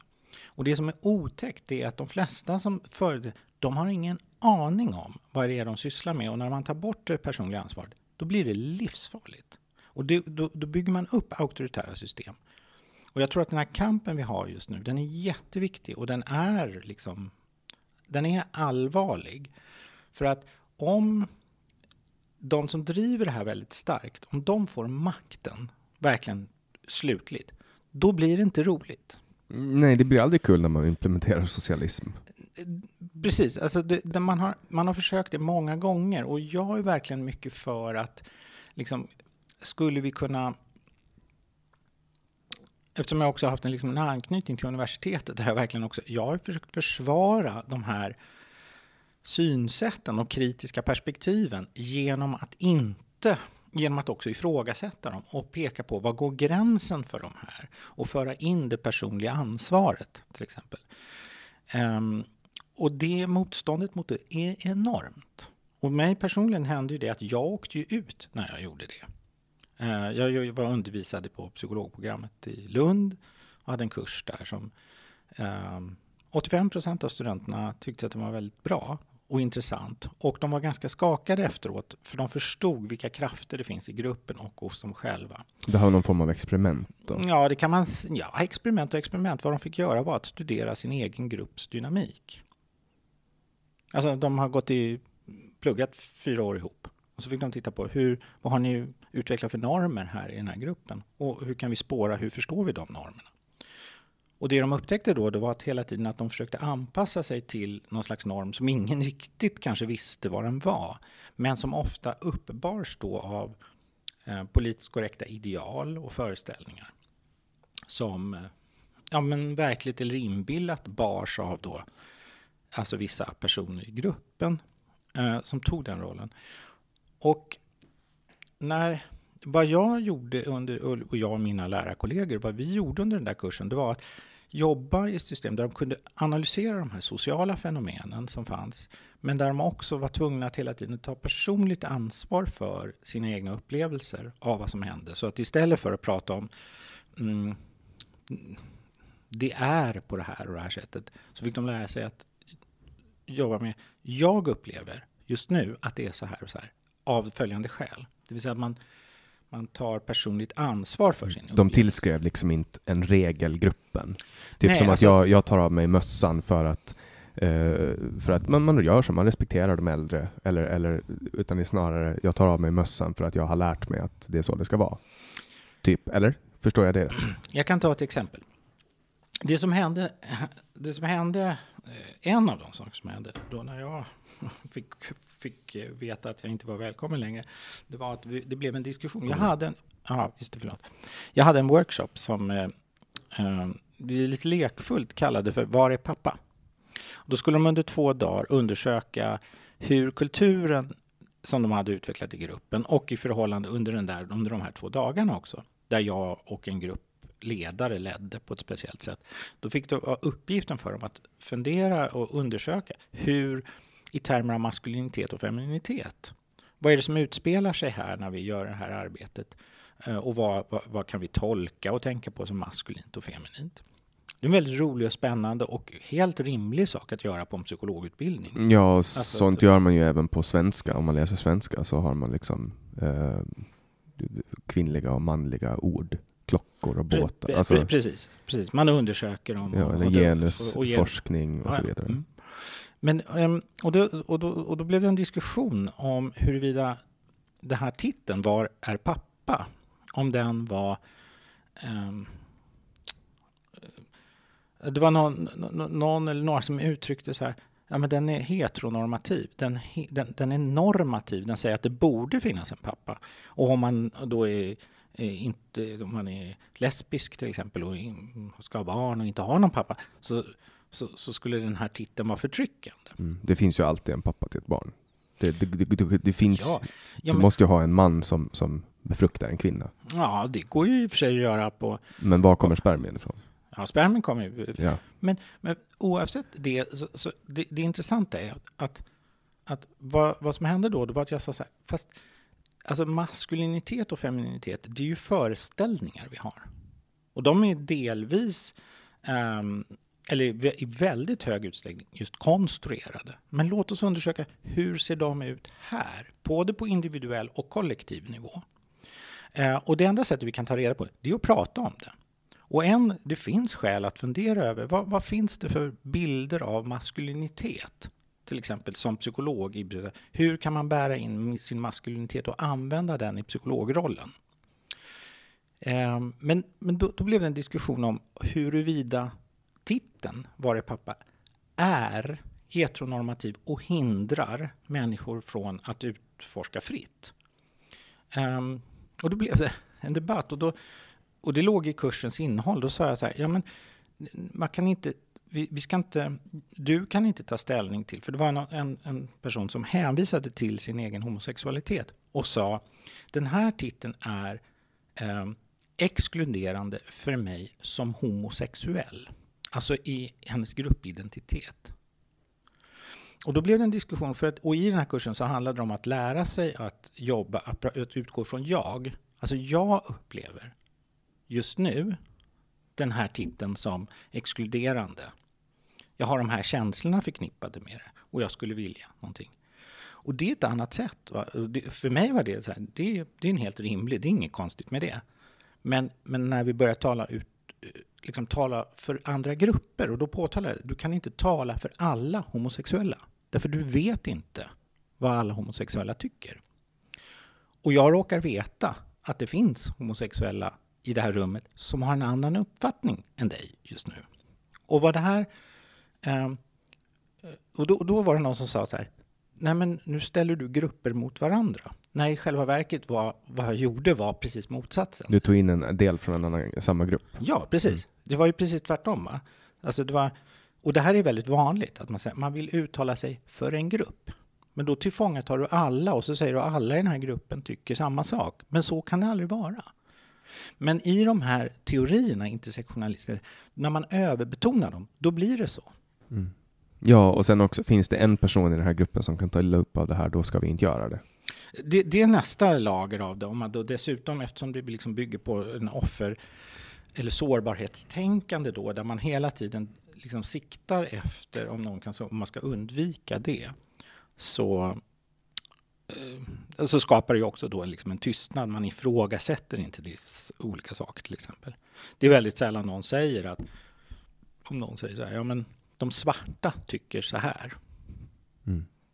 Ja, fast det är massor med svarta som inte tycker så. Mm. Ja, eller typ jag har en polare som är svart och han tycker att det är okej okay att säga n-ordet. Mm. Typ, eller jag har en kompis som är bög. Jag, mm. så jag, alltså. Men jag vill verkligen slutföra det. Det är otroligt explosivt det här som händer nu och att det, universiteten är jätteviktiga, för det är där vi utbildar eliten. Och just nu håller vi på att utbilda en, eh, en elit som ofta kommer från medelklassen. De är ganska naiva, har ganska lite liksom, erfarenheter av att vara i underläge eh, på riktigt. Eh, eller på riktigt är fel sätt att säga, men alltså de kommer ändå från ett strata i samhället där de är ganska privilegierade. Ehm, men de, och de är fyllda med teorier som innehåller också auktoritära inslag. Och, Socialism. Ja, socialistiska auktoritära inslag. Och de är helt övertygade om att det här är demokratiska idéer. Eh, och de är besjälade av liksom, sin välvilja och sådär. Och de förstår inte riktigt vad det är de bär in. Eh, och det här blir en ganska explosiv eh, massa faktiskt. Alltså vi, vi, jag, tror, så jag sammanfattar det med att jag tror att vi håller på att utbilda en lynnig auktoritär elit från universiteten. Mm. Och sen har vi också det faktum att det är en väldigt snäv könsfördelning på psykologiprogrammen. Ja, ja. Och Då, det, är väl, det är väl aldrig bra om man vill se det ur ett mångfaldsperspektiv? Att det... Jag är lite så här, ja, det, det kan nog vara lite olika. Jag är ingen sån här, det är väl... Nej, men jag, nu pratar jag ur deras perspektiv. Den identitetspolitiska rörelsen är ju... Den, den, den, den hävdar ju att liksom mångfald är bra, men den, ju reducerar ju mångfald till en fråga om representation. Den är ju inte intresserad av individen och mångfalden inom individen och, och dubbelheten och så, utan den vill ju liksom fånga in allting som att det är en dimension. Jag ser ju ett ständigt hyckleri. Hyckleri? Mm.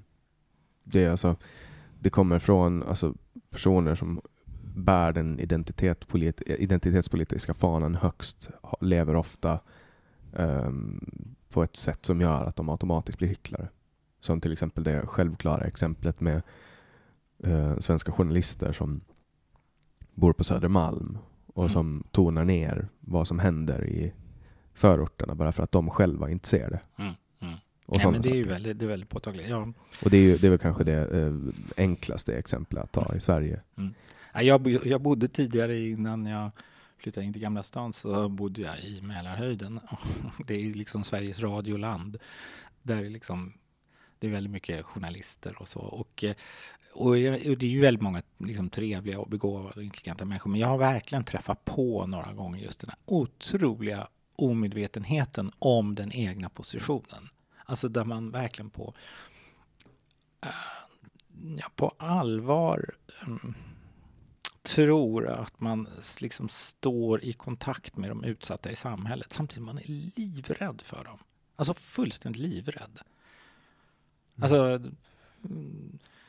det, och, och, och man, man, liksom, man, man, skulle inte åka och ens barn släpper man inte ut på tunnelbanan på kvällarna. Man, man uppför sig som alltså, väldigt gammaldags överklass. Eh, beskyddar sin avkomma väldigt, väldigt starkt och så här. Eh, och det är inget fel med det. Men samtidigt som man är enormt förtjust i att prata om vithetsnormer och sånt där. Mm. Det, jag, jag, tycker att det är lite obehagligt att vi pratar så jävla mycket om ras mm. idag. Mm. För ras finns inte, det finns inte människoraser. Det, ja, eller ja, Homo sapiens sapiens, det är en människoras. Mm. Och sen finns ju Homo sapiens, som också var en människoras. Mm. För vi är inte längre. Nej, jag, jag personligen tycker det skulle vara väldigt spännande att kunna prata mycket mer öppet och um, undersökande, nyfiket kring uh, just raser, men etnicitet och olika bakgrunder och vad det innebär och hur det formar en. Och, Alltså, alltså, det, det, märker man också när man blir äldre, att eh, liksom, jag har ett ursprung som liksom ligger långt tillbaka och på vilket sätt påverkar det mig? Eh, och kanske den grupp jag i någon mening också tillhör, finns det liksom mönster där? Jag tycker det är jätteintressant. Men när det blir fyllt med politisk korrekthet, alltså då, då blir det plötsligt eh, Nej usch, det är som att hälla surmjölk i kaffet. Mm, och det skär sig. Det skär sig direkt. Jag reflekterar jättemycket över identitet i och med att jag är ålänning och bor i Stockholm. Mm. Uh, och, och, Det som man tror att ska hända kanske är att när man flyttar till, när man flyttar till Stockholm så ska man bli svensk och så vidare. Jag har ju svenskt ursprung, jag heter Svensson och min farfar kommer från Sverige och, och, och så. Men det som har hänt här, och jag har pratat om det flera gånger i podden, det är att, att min finska identitet växer mm. frånvaro av Finland. Mm. Och jag kommer ju från Åland, så mm. det, det, finns, Åland är ingen nation och det är så litet så att det enda man kan bli är på sin höjd eh, lokalpatriot. Okay. Men när jag är i Sverige då växer liksom min finska identitet snarare mm. än att knyter an med min svenska som jag faktiskt har. Uh, I och med att vi kommer från Sverige och namnet Svensson kommer från Sverige och så vidare. Uh, men då växer uh, min finska nationstillhörighet mm. till ett land där jag inte ens kan språket. Mm. Där jag inte ens har tillbringat tid. Jag var över Helsingfors några gånger, mm. liksom, mm. Åbo några gånger. That's about it. Um, och, och, jag vet ju att det finns ju kulturella skillnader mellan svenskar och finnar. Det finns ju det. man är ju en man är ju en idiot om man påstår att det inte finns det. Och, och desto längre bort man kommer bör ju rimligtvis vara så att desto större kulturkrock.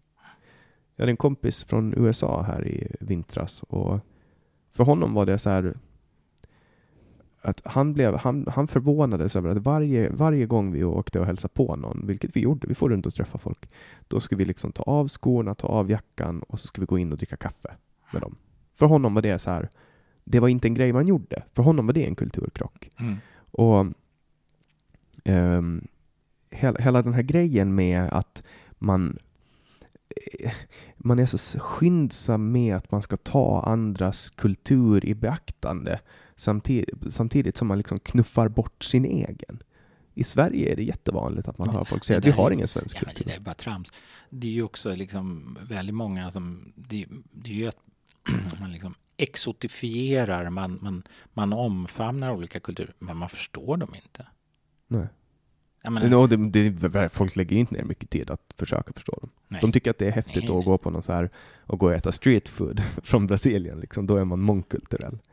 Just det, och, och, och, man, ska alltid, man tycker alltid om det där andra. Det, det är liksom, jag hade ett samtal med en eh, eh, man som heter Adam, Göran Adamsson. Har du hört talas om honom? Jag tror jag till och med såg det. Ni satt där ja, och spelade in med ja, video. Just det. Han har precis kommit, skrivit, släppt en bok som jag hoppas eh, och tror faktiskt, jag har inte läst hur väl han har skrivit den, men innehållsligt så, så, så kan den bli ganska stor. Och den, den ehm, eh, titeln är eh, Masochistic Nationalism. Um, Self-hatred and the infatuation with the exotic. Just det, ni pratar om att, att, att, att, man har någon form av självskadebeteende gentemot sin kultur. Ja, han, han beskriver den här fascinationen, medelklassens då fascination med där man, man avskyr den svenska löjliga kulturen, men man exotifierar andra kulturer. Och det är ett sätt att dölja ens rädsla för de här andra kulturerna. Och jag tror att det pågår väldigt mycket kanske inte att man exotifierar så mycket, men till exempel att man, man, man vägrar idag att prata om vad innebär det till exempel att vi får många människor som invandrat från Mellanöstern. Ja, man pratar inte om mörka sidan av månen, det Nej. vill säga att det också kommer ett visst mått av, av islamism och eh, barnmisshandel Nej. och, och kvin, dålig kvinnosyn och sånt. Det Nej. pratar man ju inte om. Då är Nej, man ju just det. Hitler. Ja, just det. Och att, att det är en avvärjningsmekanism då. Så, för så, så, så fort man närmar sig det så, så blir det lätt så här. Nej, men då, då, då fastslår vi våra fördomar, säger de här människorna. Vi ska inte hålla på fråga, ställa massa frågor, för då är det som att vi etablerar att det, att det är ett faktum. Men det där, och jag ska inte... Det, det är självklart att när man pratar om sådana här saker så måste man också, vara- också, också vara väldigt medveten om att man eventuellt liksom låser fast stereotyper. Men det jag eh, eftersträvar och, och verkligen längtar efter det är att man också kan ha fria utforskande samtal kring för och nackdelar, eller hur man nu vill säga, av olika kulturer. Mm. För man, man kan inte heller tycka om någonting som man inte känner till.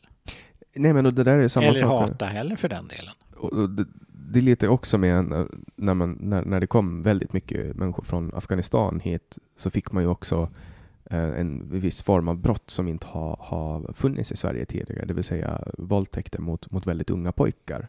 Och, och där finns det ju en, en kulturell statussymbol är ju då att ha en mm, man har en väldigt ung pojke, 8, 9, 10 år gammal, som är en T-pojke.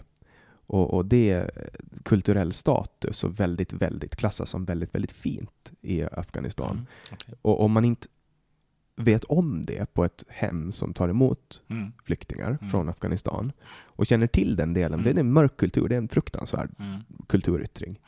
Ehm, då kan man ju inte jobba mot det heller. Nej. Då, Nej. tänk vad många människor man skulle kunna ha, alltså små barn som har liksom, det är flera som då åren 2015, 16, 17 blev utsatta för, för fruktansvärda övergrepp på grund av att man, man inte kände till det här.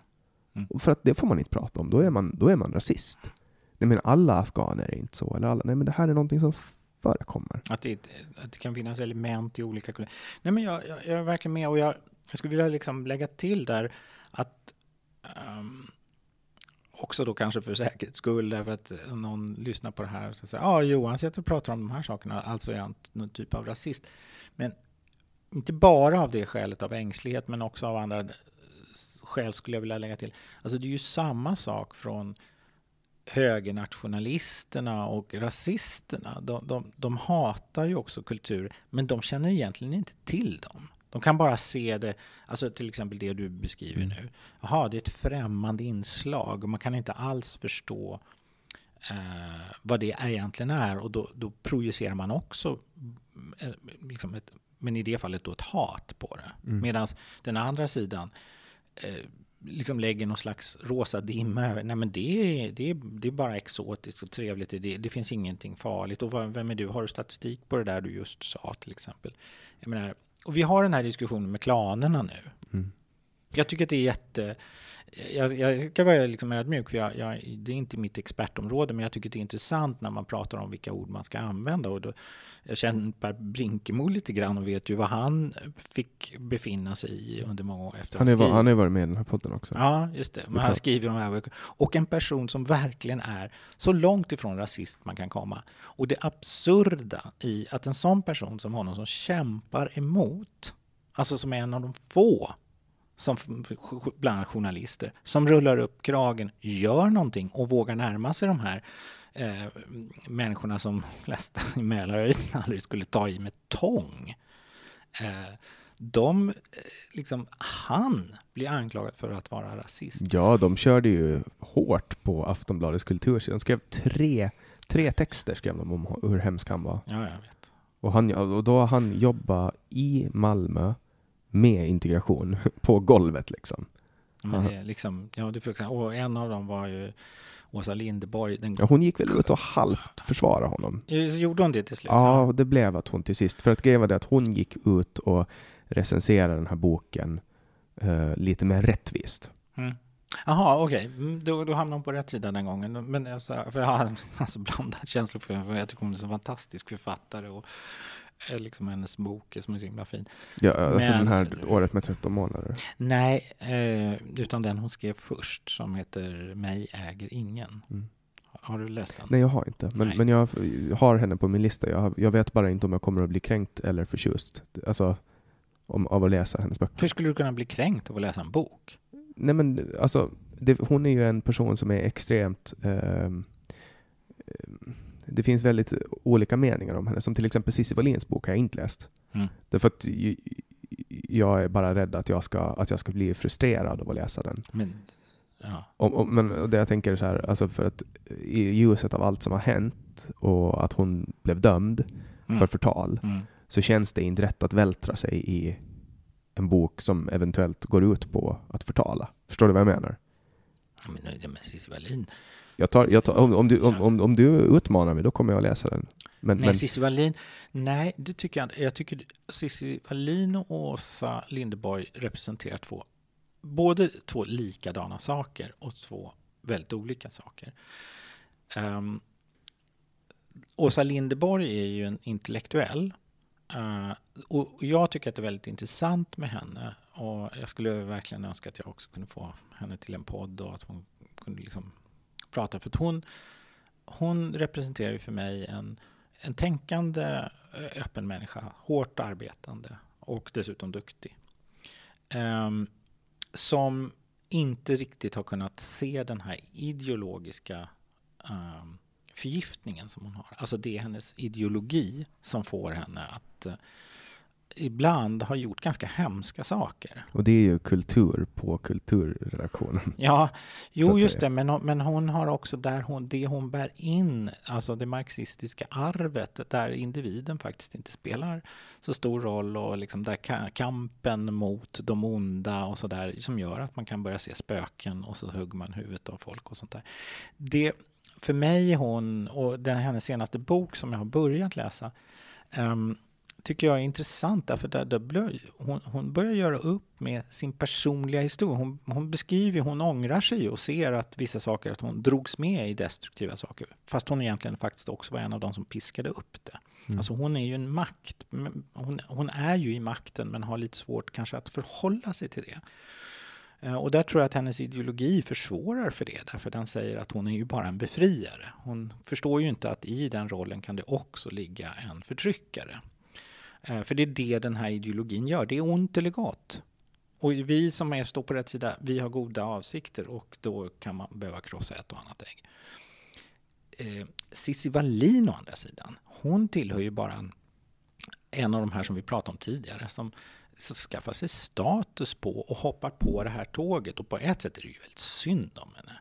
Alltså att hon, hon och, och där kan man prata om att revolutionen äter sina egna barn. Alltså hon hoppar på det här tåget och vill, tror ju då att hon ska bli liksom hyllad av sina systrar. Och det blir hon ju också. De piskar ju på det här och hejar på henne och hejar på Hon har ju henne. också delat upp uh, vänsterfeministerna i två läger. Alltså, okej. Eh, ett läger som hatar henne och ett läger som hyllar henne. Ja, precis. Så att hon har ju snarare eh, för att förena eh, splittra. Men alltså hon, det, det här är ju, det är ju en bild av också hur, kvinn, alltså hur kvinnor kan förgöra sig själva. Alltså där man då piskar upp henne i den här enormt destruktiva rollen som hon ger sig rakt ut och bara kastar sig handlöst ut i, i detta som naturligtvis slutar i ett inferno där hon själv går åt. Påhejad eh, då av liksom fack, kvinnor med facklor. Eh, och, eh, så så hon, hon är ju också liksom ideologins offer. Men till skillnad mot Åsa Linderborg så är hon ju också alltså fåfäng på ett annat sätt och, och faktiskt inte bildad. Och, alltså så här. Alltså hon blir ju ett lättare offer. Mm.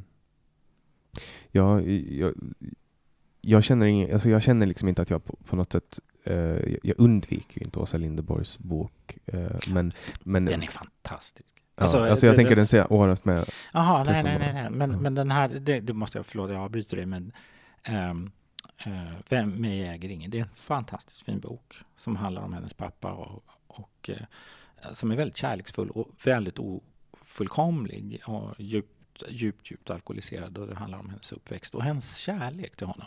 Mm. Alltså som är helt märkvärdig. Alltså Ja. det, det är en otroligt fint. Och sen är det ett fint eh, tidsdokument över 70-talet.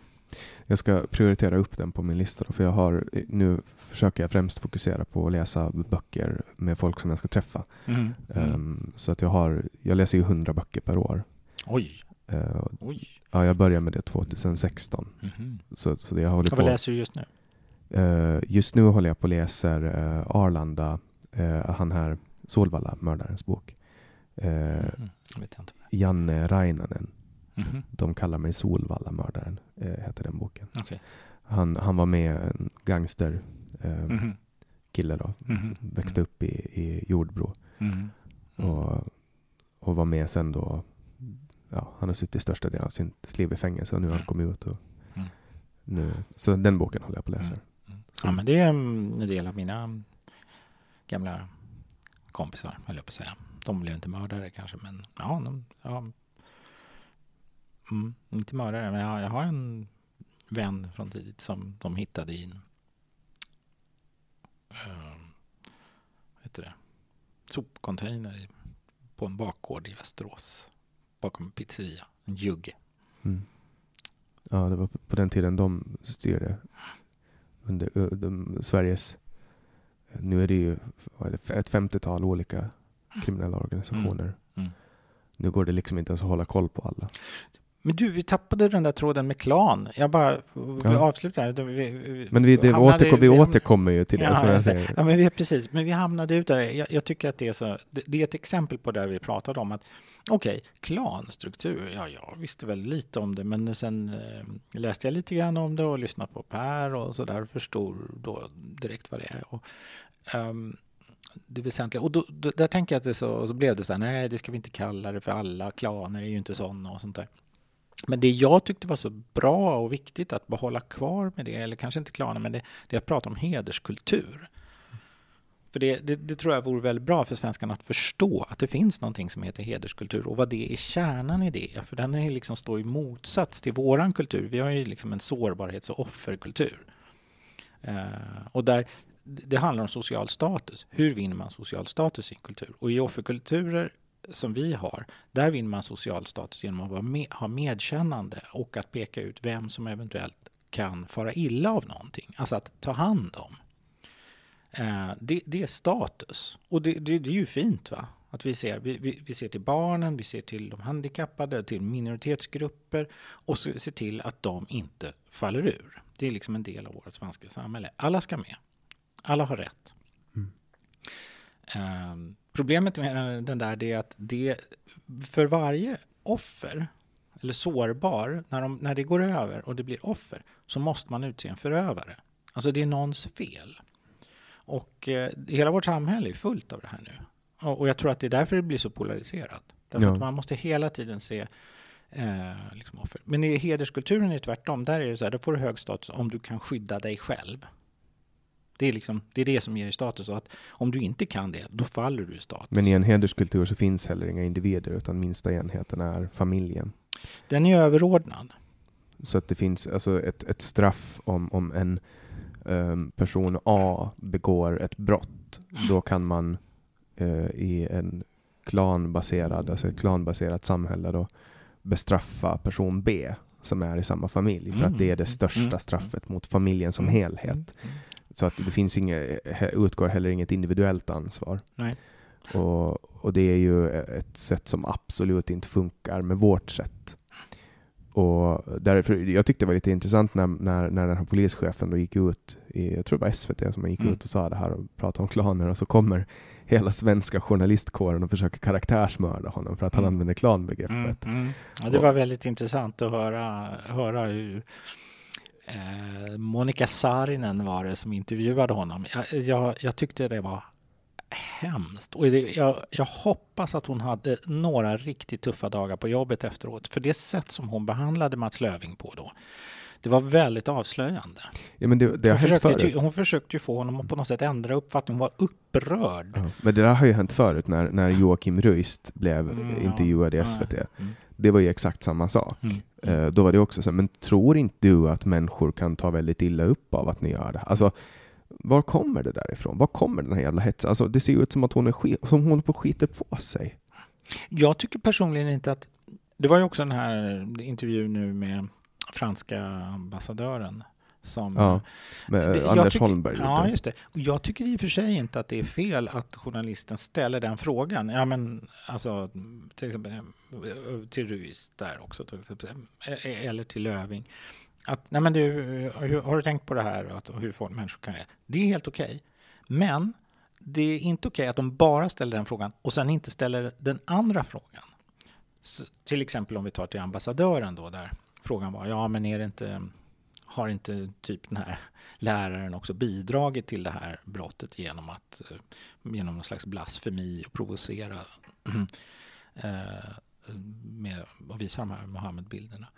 Ehm, men det hon inte ställer som fråga, och den måste vara kvar, det är vad, okej, vad gör den franska staten för att skydda den eh, franska nationen mot islamisten, islamismen? Alltså den, hade hon ställt den frågan också, då är det helt okej att ta de här positionerna. Men när du bara tar den ena positionen så blir det problematiskt. Och det är obegripligt för mig att man inte på Sveriges Radio har kommit längre i att förstå att man måste ta upp båda de här sidorna. Man måste liksom lära sig av hard talk. Alltså man tar olika positioner och det är helt okej för att få en diskussion. Mm. Jag har precis avslutat eh, Johan Westerholms bok eh, Islamismen i Sverige. Okej. Och den är, jag läste den med stor behållning. Han har gjort ett extremt bra jobb i att, i att liksom gräva i de här organisationerna och hur, hur man då inom islamistiska rörelser ehm, hittar olika sätt att få pengar från samhället för att finansiera sin, sin verksamhet. Och, och han är väldigt noggrann med att betona att alla människor som bekänner sig till islam är inte islamister, men alla islamister tillhör islam. Mm.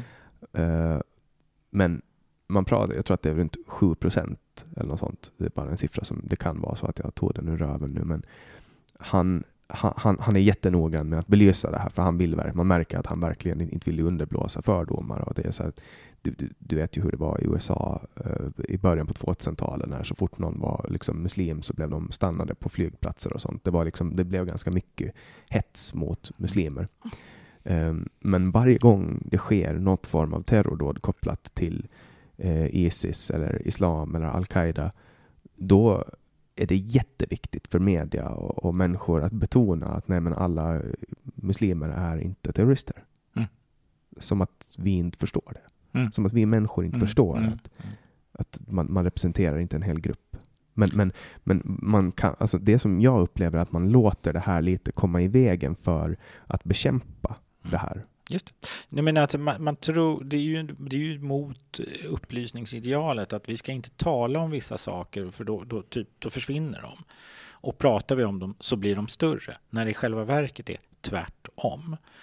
Uh, Steven Pinker, känner du till honom? Ja, jag han, han uttrycker det här jättebra på eh, ett ställe där han säger så här att den politiska korrektheten och viljan att liksom tysta ner saker för att inte underblåsa dem. Det stora problemet med det, det är att det tvingar bort vissa sanningar. Så alltså fakta som vi inte kan diskutera. Och så tar han exemplet då till exempel att um, antalet terrordåd eh, begås, alltså det är en väldig överrepresentation av, av eh, islamister. Um, Eh, eller en sån här enkel sak som att brottsligheten i USA, att de svarta är överrepresenterade. Och då säger han så här, det här är ett samband. Det, är ett sam, det finns ett samband här mellan de här och det är ovedersägligt, det är faktum. Men ett samband är inte samma sak som ett orsakssamband. Det vill säga att det beror på att, att eh, till exempel brottsligheten beror på att de människor är svarta eller att terrordåden beror på islam. Det, det, är inte, det vet vi inte. Men vi ser att det finns en koppling.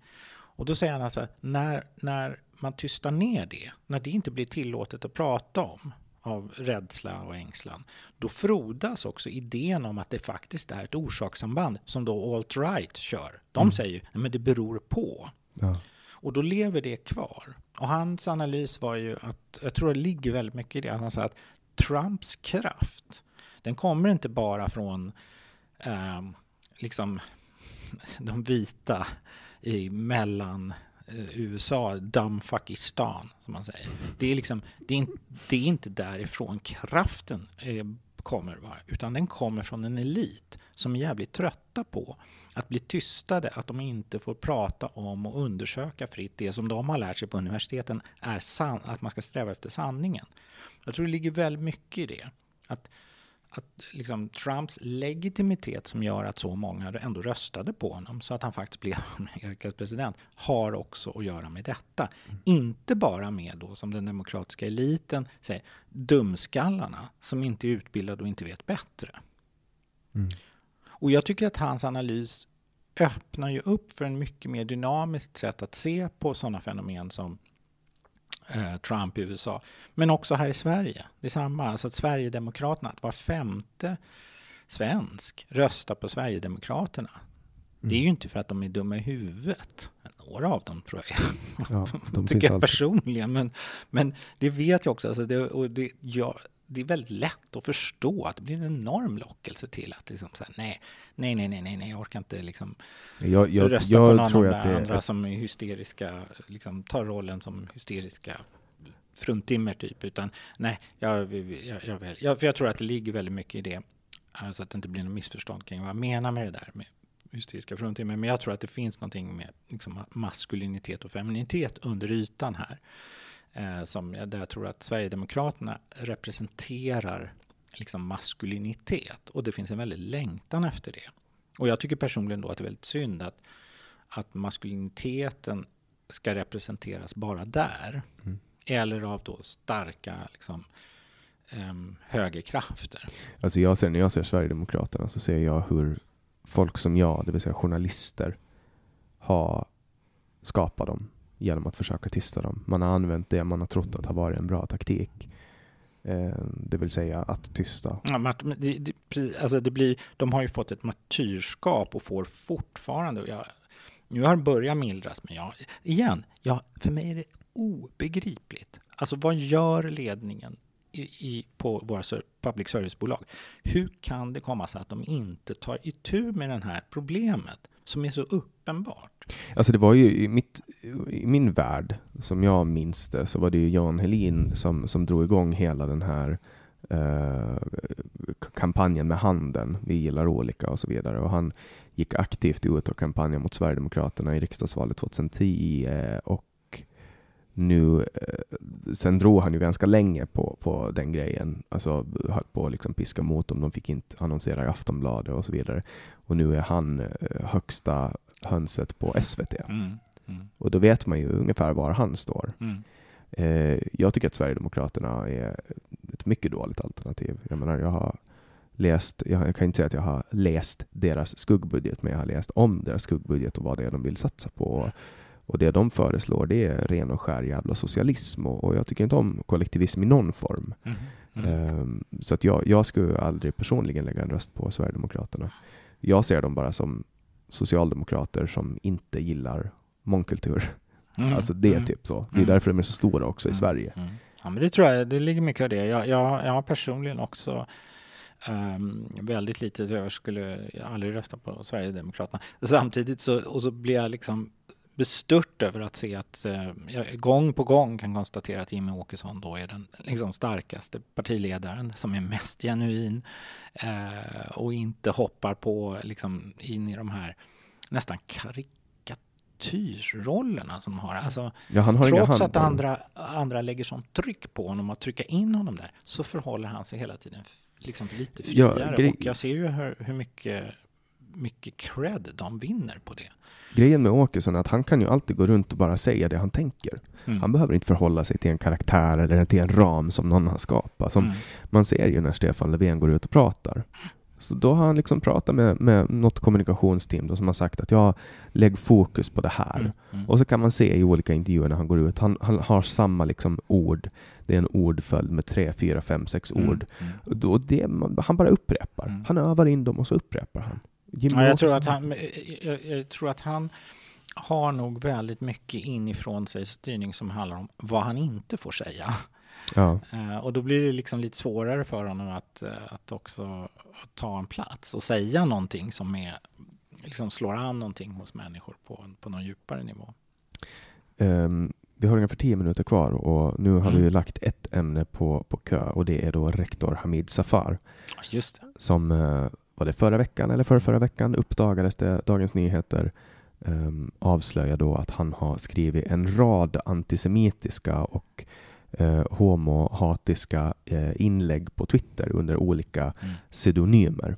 Och, och, det här är då en person som har jobbat under många år med integration i Sverige. Han uh, har vunnit Årets svensk. Han har liksom uh, varit en del av skolvärlden och varit med i Moderaternas integrationsråd. Och för honom har det har varit en väldigt fin resa på röda mattan och nu har han varit med På spåret och de har spelat in och nu uppdagas det här och, och, och, nu har man liksom, nu är han ritualslaktad på det karaktärsmordsaltaret i svenska samhället. Vad har du för tankar kring hela den här ritualslakten? Väldigt många, alltså när jag um, satt upp en morgon och skulle börja jobba och så tror jag, jag kommer inte ihåg om det seglade in på min Twitter eller någon sån, när jag såg detta, att DN har avslöjat. Och så tänkte jag så här, nej fy fan. Och jag blev så, ja, jag blev jättetagen. Jag, jag tyckte det var så fruktansvärt. Och först reagerade jag liksom, ah, nej DN, DN, det är inte klokt. Nu, har, nu, nu, nu gnuggar de händerna, tänkte jag. Sen när jag då såg vad det var och så, så då kom min nästa reaktion och det var din jävla idiot riktad till eh, Hamid. Jag tillhörde de som eh, har verkligen hyllat honom också. Liksom. Alltså, just det här att han är liksom som blatte, att han inte är rädd, han går ut och säger saker, han har en attityd. Eh, och han har ju liksom skottsäker väst politiskt i, med sin bakgrund och allt sånt där. Um, Ja, men så jag, jag tänkte så här, fan också. Uh, och det blir ett slag tillbaka för hela den, liksom, hela den här diskussionen som jag har börjat uppfattat att den politiska korrektheten också har haft lite bakslag ett tag. Att det inte är så coolt längre att, att vara det, utan att man har öppnat från den andra sidan. Och, och, och Hamid har ju varit en av dem som liksom har öppnat upp den dörren. Och eh, ja, alltså det, det, finns så mycket att säga om det här, men, men en sak som jag tänker att vi ställs inför som samhälle nu också, det är liksom hur tar man avstånd från det en människa har gjort uh, och den den är som person. Den erbjuder ju också en möjlighet, alltså om vi knyter tillbaka till det vi började med, alltså att goda människor, goda intentioner, goda handlingar, de är också, de, det är inte alltid så rent. Va? Att de är sprungna ur ett liksom bara fint hjärta. Utan det kan många gånger vara mycket, mycket mer komplext. Eh, och det visar ju fallet, för mig, visar ju fallet Hamid Safar det. Alltså det här är en person som verkligen ställer sig på rätt sida i att ta ställning för, för de svaga. Samtidigt har han burit på, uppenbarligen då, andra idéer. Och det det jag, skulle, jag, jag känner ju på något sätt att jag, jag vill ju resa ett försvar för... Alltså jag, jag är också så här som människa, så tänker jag att liksom... Alltså att han... Det han går igenom nu, det är ju liksom... Det är fruktansvärt. Och jag kan inte... Samtidigt tycker jag ju det han skrev, alltså, det var liksom, vad i helvete. Mm. Ja, det blir ju en kognitiv dissonans i att man har en älskvärd person på ena sidan och en riktig jävla antisemit på andra sidan. Ja, och jag kan ha fel här, men jag, för jag känner inte uh, Hamid. Uh, men jag tänker ju, det är också ett exempel på, ja titta vad idéer gör med människor. Han, haft, han, liksom, han är förgiftad av en ideologi och en idé som har som då blir antisemitisk och homofob. Och samtidigt, en del av mig säger Ja, men hur förvånad är man över det? Det här är en kille från Mellanöstern. Det här är ganska vanliga föreställningar som kan frodas där. Och också bara sådana banala saker som också att även han har ju liksom, vinner ju status på olika sätt. Och det är klart att man kan säga, ja fast då sitter man väl inte och skriver eh, anonymt. Men det tror jag faktiskt. Mm, han skulle ju aldrig ha fått sin, sin status som han har, eller hade i Mm, samhället, mm. om, om han ska skriva under eget namn. Nej. Och Nej, men jag tror att, och jag tror att väldigt många, alltså jag skulle ju önska att, och igen, alltså att jag vill inte, det, det är så svårt idag för, aha, ja, du tar det i försvar, men alltså, jag, jag, jag tar avstånd, jag tycker det var vedervärdigt, um, jag tycker det är bra att det exponerades. Det är ju väldigt viktigt att, liksom, att han också, som, och han representerar ju någonting idag, liksom också att vi kan få till ett samtal om det här och där han kan hitta en väg tillbaka. För vi kan inte ha ett samhälle som låtsas som att det finns goda och onda människor. Eh, och de onda kan förklä sig till goda, men då ska vi avslöja dem och så ska vi bränna upp dem. Mm. Det är inte ett samhälle, det är ingen som vill ha det.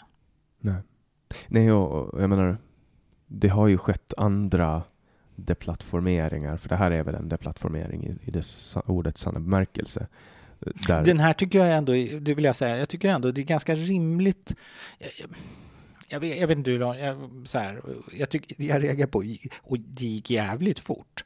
Vilket är en tydlig signal om att okej, det här är ingenting som vi behöver vara eftertänksamma kring, utan det är liksom 0 och 1 och det gör vi väldigt fort. Det, det kan vara lite, men jag tycker i och för sig att om man inte pratar om utfrysningskultur eller cancel culture och sånt där, då tycker jag ändå det är inte riktigt frågan om här eh, på det sättet som i många andra fall. Utan här är det ju mer att nej men, han förlorar, han kan inte ha det förtroendet riktigt. ja, det är ju inte ett gränsfall, det är ju inte som Fredrik Virtanen. Det var ju ett gränsfall hela tiden. Vad, vad tänker du på då? Alltså när han blev anklagad för att ha genomfört en våldtäkt som han var friad ifrån, Ja. friad från misstankar. Mm, mm. Det var ju ett gränsfall på vad man får göra och det behövdes ta juridiskt. Fick eh, Cissi Mm, Wallin gå mm, ut och mm. anklaga honom och säga det här, eller fick hon inte? Och det fick hon inte, enligt svensk lag. Nej. Eh, men tidningarna hakar ju på och publicerar hans namn och så vidare. Mm. Um, I det här fallet så råder det ju ingen tvekan om att eh, Hamid har gjort sig skyldig till någonting klandervärt Mm, och kanske även då i, i lagens mening Mm. eh, olagligt. Så det är ingen gränsfall vi Nej. snackar om. Utan det är Nej, jag tycker, för det var det jag tänker att om man pratar om cancel culture och, och deplattformering och sånt där, tycker jag också att man ska reservera det. Och det tycker jag för övrigt, det, det, det, jag har mm, jobbat i redaktionen på Hur kan vi tag nu och var med lite mer där. Och där hade vi ett eh, redaktionsmöte igår och då pratade vi om um, det här ordet, och då har vi löst det. det är, frågan om cancel culture, vad heter det på svenska? Utfrysningskultur var det någon som hade eh, liksom föreslagit och det var vi alla överens om att det är ett väldigt bra ord. Alltså jag tycker inte att det finns ett bra, en bra översättning till cancel. Alltså jag tycker att det engelska ordet ska behållas i det här fallet. För att utfrysning, det handlar ju mer om att man... Alltså cancel, det är ju att du trycker på en knapp och avslutar någon. Mm. Utfrysning är ju mer en aktiv grej. Cancel är, du trycker på ström, alltså du trycker på cancel och, så, Mm. och så är det avstängt. Liksom. Mm. Eh, Medan utfrysning är en långsam process där du stryper värmen och så blir de långsamt kallare Den och behöver, kallare. ibland är den jävligt snabb också. Du Ja. vet om du kommer in i ett rum så känner du liksom direkt, okej. Jag har, ju blivit, jag har ju blivit cancellad på Åland Mhm. för att jag skojar om droger vid ett tillfälle. Okej. Jag skojar om min egen nykterhet för jag tar inga droger eller dricker. Eh, och så skojar jag om det och så var det en person som missförstod det och då uh, rulla eh, public service och tidningarna ut med hårda artilleriet liksom. Då blev jag cancellad. Hmm. Och det var inte så roligt. Du vet när man vet att Och man, du menar det gick, det går? ja, det gick snabbt. Det gick snabbt. Ja, det tog, jag hade inga pengar efter det. Jag fick liksom det är därför jag studerar nu också. För att hela den där grejen gjorde ju att jag blev av med jobb i mitt företag. Och det var ingen som ville anställa mig och så. För att de tänker att ja, men här kommer en drog. Och det här var liksom för att du... Och, och, jag menar, det här är just att när människor använder fel ord eller snubblar på tung, alltså så här, det, det är ändå väldigt intressant att vi har det i vår samtid, att, att vi på allvar tänker så här, aha, om någon säger någonting fel, liksom, och snubblar på tungan eller så här, då, är den, då har den avslöjat sin ondska. Det var ju ingen som tog i beaktande att jag då, det här var för exakt ett år sedan. Det var ingen som tog i beaktande då att jag de senaste tre åren har ägnat en stor del av min fritid till att hjälpa folk att bli nyktra, hjälpa folk med Såklart drogproblem inte, såklart. Det, det, det, handlingar spelar ingen roll, utan det var bara att, att jag hade sagt en sak som sen förvrängdes av en person. Men du vet, det där är ju godis för tidningarna. Jag hade ju ett politiskt ämbete då. Så. Jaha? Ja, okej. Nej, men det här är... Vi har berört det på många år. Alltså, så det här är en farlig och väldigt obehaglig väg. Och jag, jag skulle vilja liksom avrunda. Alltså, jag har Men tänkt... det är perfekt också, för vi är en minut över tiden. Ja, Så okej, du får- då ska, du får då ska jag avrunda. avrunda. Nej, men alltså jag gick tillbaka till mina tidiga år när jag började som psykolog och tänkte vara intresserad av klinisk psykologi. Och på den tiden, eh, 90, runt 95, då var det väldigt mycket, det kom en, en diagnos som blev väldigt populär, eh, som var, man kallar för borderline personlighetsstörning. Eh, Så man såg att fler och fler människor liksom hade och det är en ganska allvarligt tillstånd som liksom leder till självdestruktivitet och så. Ehm, och en av kärnpunkterna där, det är splitting. Man. Att man delar upp världen i gott och ont. Svart och vitt. Svart och vitt, och inklusive, och det här liksom beskrivs på en, liksom att det ingår på en djup nivå. Och att det, är en, det var en ny typ av försvarsmekanism som har väldigt tidiga och väldigt destruktiva effekter. Och väldigt många delar av vårt samhälle idag bär faktiskt spår av exakt den här splittingen mellan ont och gott. Där vi, och det här är- blir ett uttryck för det. Va? Att, du vet om någon säger något fel, då tror jag, aha, då, då, då blir det ont. Och då har vi, vi har inget ansvar heller för den individen längre. Det spelar ingen roll hur det går. Mm. Medkänsla är svaghet. Man har väl också nu börjat kalla eh, borderline för emotionellt instabil personlighetsstörning. Jaha, okej. Mm, jag har inte följt med på det området, men Ja, det- det, det det, klassas låter som- Det klassas mer som en personlighetsstörning. Och det här är väldigt intressant, för för några avsnitt sen så hade jag med en, en eh, psykolog som heter Tanja Suhinina med här i podden. Mhm, Och då bad jag henne ställa en diagnos eh, på Sverige mhm. och hon vägrade, för hon sa att det är oseriöst. Eh, och jag respekterar och jag förstår henne. Och då ställde jag diagnosen borderline Mhm. på Sverige. Okej. Håller du med mig om det? Ja, i många avseenden ja. Och då tycker du som doktor i psykologi att man kan ställa en diagnos på ett land? Eller en kultur?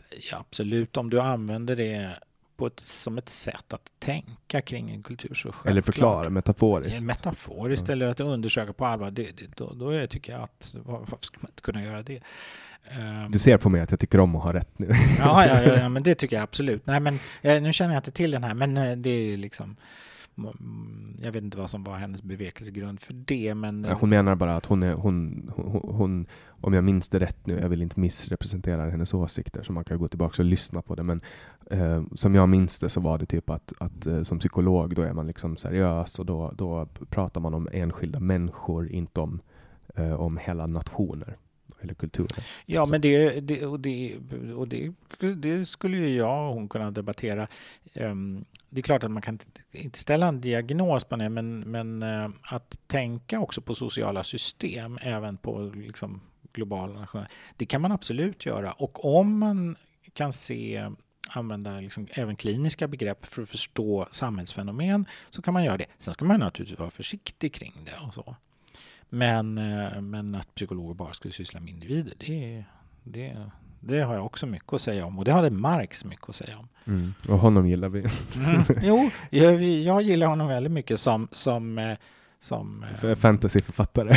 nej, men som analysverktyg. Jag är väl själv väldigt eh, liksom, tränad och, och, och, och förstår det sättet att tä- tänka. Men eh, jag skulle aldrig applicera det som någon slags idé för hur vi ska bygga vårt Mm. samhälle. Nej, och för de som, de som inte vet så mycket om Marx kan leta efter hans böcker på diethyllan. Diet, Mm. Diethyllan. förklara. Nej, men jag tänker att man går ner i vikt av att implementera hans system. Jaha. Det finns ju inte mat så att det räcker. Och, och jag tycker att de, eh, de, de, de orden får, får avsluta det här mycket, mycket trevliga samtalet. Jag känner att två timmar har flugit iväg eh, supersnabbt. Ja, det gick väldigt fort. Det har blivit mörkt ute och det, var, det är alltid lika roligt att, att eh, göra ett sånt här möte. Jag känner att det, det var någonting utöver det Ja, det var vanliga. jättetrevligt att träffa dig. Mm.